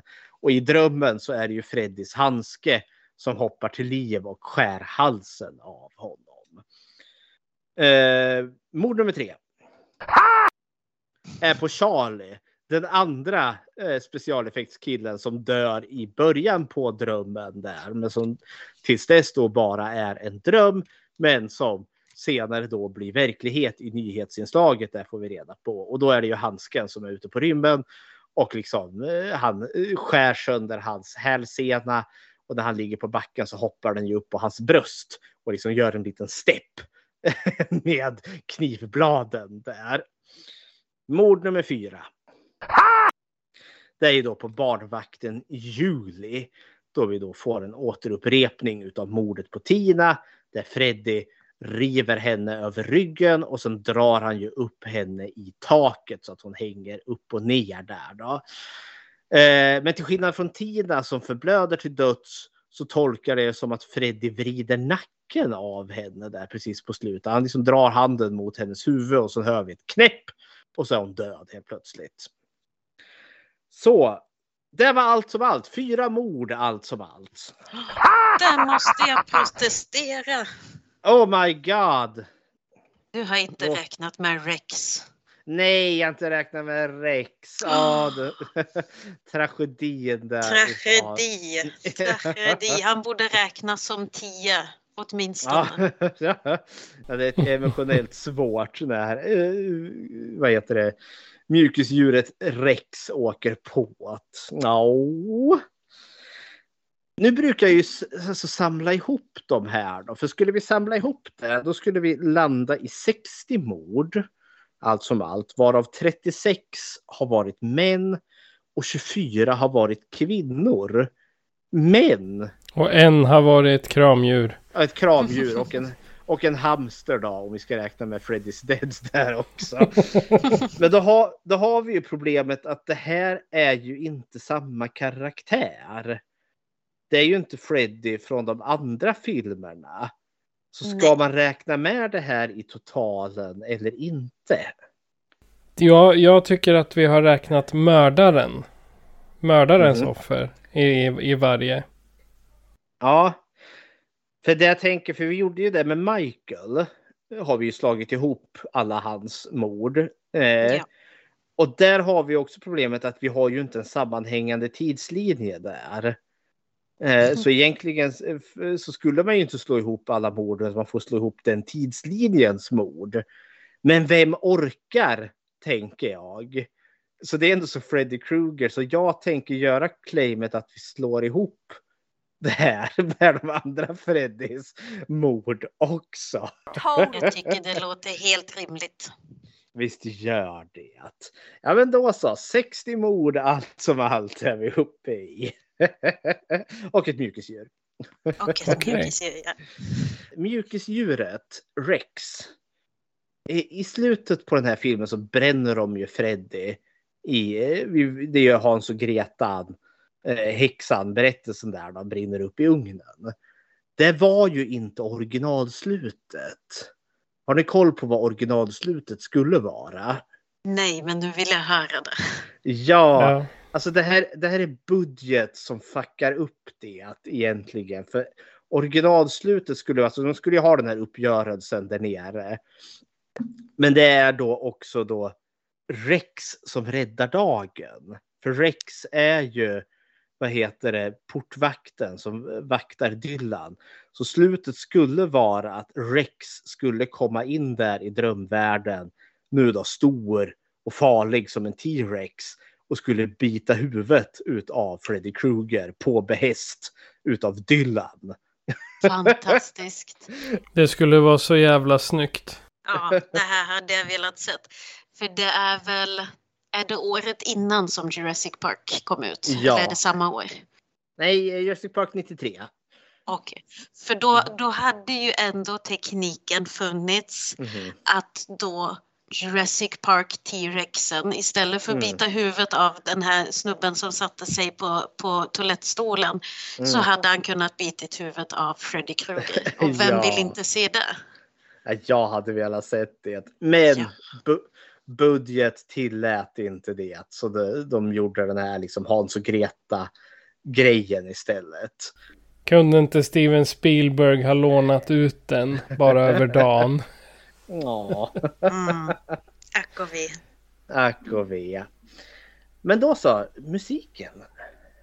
Ja. Och det här är faktiskt eh, den typ den enda filmen som faktiskt har originell musik som passar. Så att jag tänkte vi lyssnar på den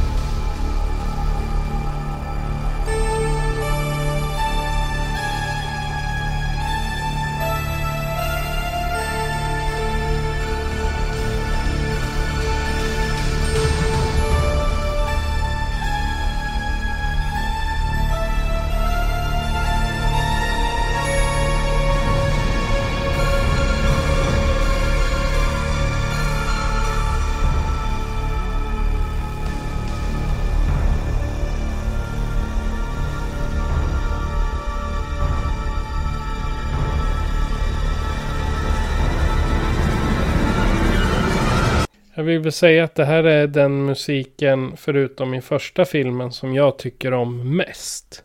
Men här återvänder man ju till eh, alltså originalskåret. Och det är ju ganska tidslöst. Och thanks heaven for that. Ja, däremot övriga filmmusiken är jag väldigt 50-50 kring. Mm. För emellanåt så känns det som om jag sitter och tittar på The Omen. Mm. Och emellanåt så känns det den här för den sortens musik jag vill ha med mina Freddy-filmer är ju Mm. precis som originalscoret. Det ska vara lite läskigt men det ska vara väldigt intimt och litet. Det Mm. är inte bombastiskt med körer och eh, storband. Men eh, bland annat när eh, sonen klättrar upp på den här klätterställningen Mm. och, och, och står där och flexar med armarna. Det Ja, det- det- är eh, extremt dramatiskt. Ja, och det är, jag, jag håller med dig, men för det här som vi hörde nu, det är verkligen introt till filmen och det var ju mys major. Men sen är det ju liksom, man använder inte riktigt Nightmare-musiken som i övrigt, utan då blir det ju lite den här Omen-eska liksom kören som står och mässar i bakgrunden. Där, så man liksom nästan ja, förväntar sig att den där kyrkspiran ska komma flygande och spetsa grabben när som helst. Det är kanske lite för bombastiskt egentligen. Men jag är ändå så glad att man faktiskt har återvänt till liksom originalmusiken, åtminstone i introt. För det är lite mys, mys, mys. Men annars lite, ja, ho-ham. Ja, eh, Fredrik. Har du gjort något Bechteltest på den här? Jajamensan, det har jag. Bechteltestet är ju där om kvinnlig representation på film. Och vi för ju tesen att skräckfilm är den som klarar Bechteltestet bäst. Vilket är lite lustigt eftersom att skräckfilm allt som oftast och med all rätt är anklagad för att ha en ganska trist kvinnosyn. Men test, eh, frågorna är ju tre. 1. Finns det två eller fler namngivna kvinnliga karaktärer? Ja, det gör det. Vi har ju Hed- vi har Heather, vi har Julie och vi har Dr. Hefner. Möter de någonsin varandra? Ja, samtliga tre karaktärer möter varandra. Eh, fråga nummer tre. När de möter varandra, pratar då, då om någonting annat än män? Och det tänker jag säga att de också gör. Julie och Heather träffas ju efter eh, att eh, eh Chase har dött. Och Dylan mår lite eh, konstigt där och Heather undrar ju då eh, om eh, han, eh, om, om Julia tillåtit eh, Dylan att se eh, Nightmare-filmen. Sen har vi också Heather och Dr. Hefner som munhugger lite varandra över vad som återigen om filmerna. Dr. Hefner är ju väldigt sur. Liksom, har han sett dina filmer? Nej, det har han inte. Eh, och eh, Julie Heft, eh, Heather och Hefner pratar också om Dylan eh, i en scen där alla tre eh, namngivna kvinnliga karaktärer är med. Och jag tänker ju hävda att när man pratar om ett barn, förvisso då av manligt kön, det fyller inte definitionen pratar de om män. För definitionen är do they talk about anything o- others than guys or men. För det är lite mer liksom, oh, vi tisslar och tasslar om pojkvänner eller något sånt där. Så utifrån det tänker jag säga att Wes Cravens New Nightmare klarar Bechdel-testet. Hurra! Hurray! Bra jobbat! Då Claudia tänkte jag du skulle få sammanfatta dina åsikter här och eh, ge ett betyg. På en skala på 1 till 5 då. På en skala från 1 till 5. och Ja. då skulle, skulle jag väga in att dels eh, så var det här en fantastisk kärleks, eh, ett kärleksbrev till Freddy Krueger i ettan och Mm. till hela mytoset som skapades med den första filmen. Eh, det är bra skådespelat från 99 procent av alla skådisarna tycker jag. Ehm, det är eh, eh, en av den första, om inte den första stora filmen som lyckades få med ett metaperspektiv. Mm. Men den har också ett 50-50 eh, soundtrack. Och vi fick ju faktiskt inte med Rex i slutet så då skulle Nej. jag nog säga att den får en stark fyra av fem. Fredrik då? Ja men det här, alltså vi har ju, det har ju stadigt gått ut för sen film nummer fyra. Men film nummer sex är ju den absoluta botten. Eh, vad den här franchisen har nått. Den fick ju en två av fem utav mig. Men det här är ett sånt kliv upp. Och jag tycker det är så briljant liksom med, med den sjunde filmen i serien.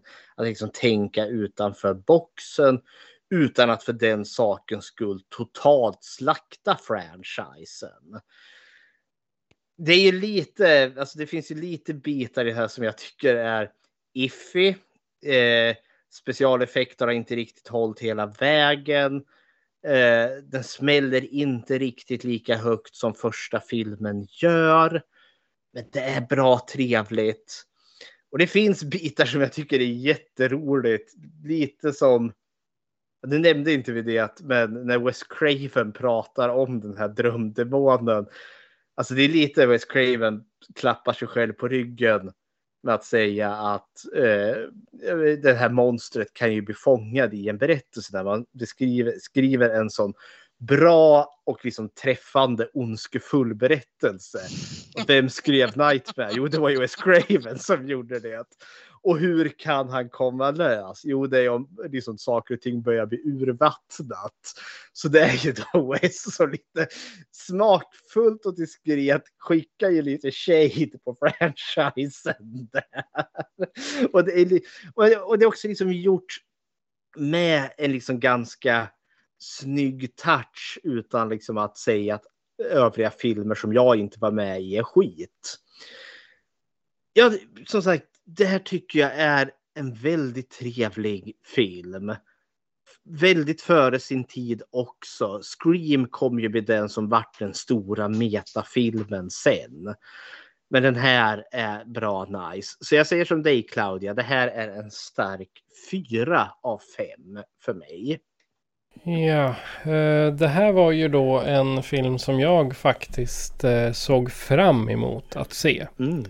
Och jag i och för sig, om man jämför med sexan så är allting att se fram emot att se. Men eh, den här filmen, jag, jag gillar eh, den, de första två tredjedelarna. Hur man hyllar eh, filmskapande, skådespelarna, problemet man kan ha som kändis. Det är mycket som faller in där och särskilt då Langenkamps eh, kamp mot den här stalken och hur det kunde ha påverkat hennes psyke. Och ja, det, vilket det i stort sett symboliserar här. Med tanke på att eh, hon får stå ut med att han jagar henne. Alltså Fred, Freddy demonen-ish. Jagar henne i hennes drömmar. Så det, det tycker jag är underbara eh, hyllningar. Och sen att man går tillbaka till originalscenerna i... Eh, nu får jag sällskap här. Hej du. Att man går tillbaka till originalscenerna på de första... Eh, till, från den första filmen helt enkelt. Det tyckte jag också om en, en riktigt fin liten eh, hyllning. Jag fick eh, sällskap av en av hundarna här. Mysigt. Ja, hon tycker också om skräckfilm. Ofta. Nåväl, men eh, min... Eh, eh, så min eh, totala betyg är faktiskt en femma. Jag Mm. ger den här full pott. För ovanlighetens skull. Det är inte många filmer som får det. Så att eh, om du som eh, lyssnare då tycker att eh, någon av oss har helt fel eller har ett annat mindset eller bara vill titta på någonting annat kan ni göra så här för att kontakta oss. Skräckfilmscirkeln presenteras av Patrik Norén och Fredrik Rosengren. Produktion FPN Productions. Besök skräckfilmscirkeln.com för att hitta var du kan lyssna på oss, hur du kan stödja oss och hur du kan kontakta oss. Vill du diskutera filmerna i avsnitten är du välkommen att gå med i gruppen Skräckfilmscirkeln Eftersnack på Facebook. Tack för att du lyssnar.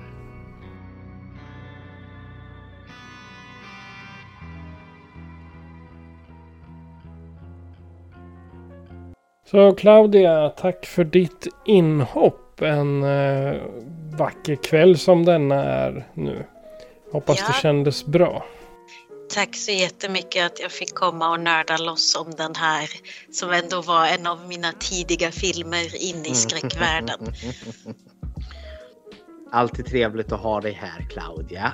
Det är alltid trevligt att vara här och vara på prao. Tänk att du har hetat så sedan sommaren 2018. Det är fint. Jajamän. En envis, envis prao. Ja. Vi får väl ta och uppdatera dig till praktikant nu. För du måste ha gått ut grundskolan åtminstone. Det är inte illa, en befordran uppe på allt. Det tackar jag och tar emot. Exakt.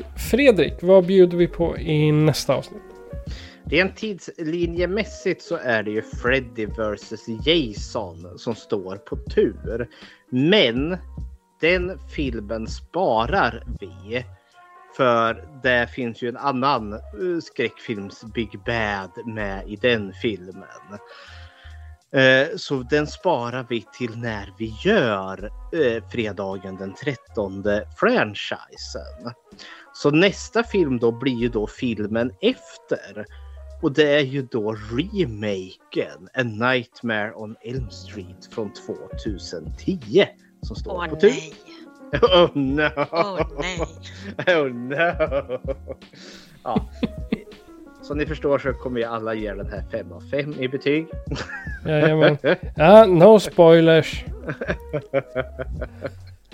Ja, kära någon. Ja, nog om det. Men vi har väl inte så mycket kvar att säga då mer än att eh, jag heter Patrik. Och jag heter Fredrik och med oss idag hade vi också... Praktikanten Claudia. Yay! Du har lyssnat på Skräckfilmscirkeln. Adjö på er. Bye!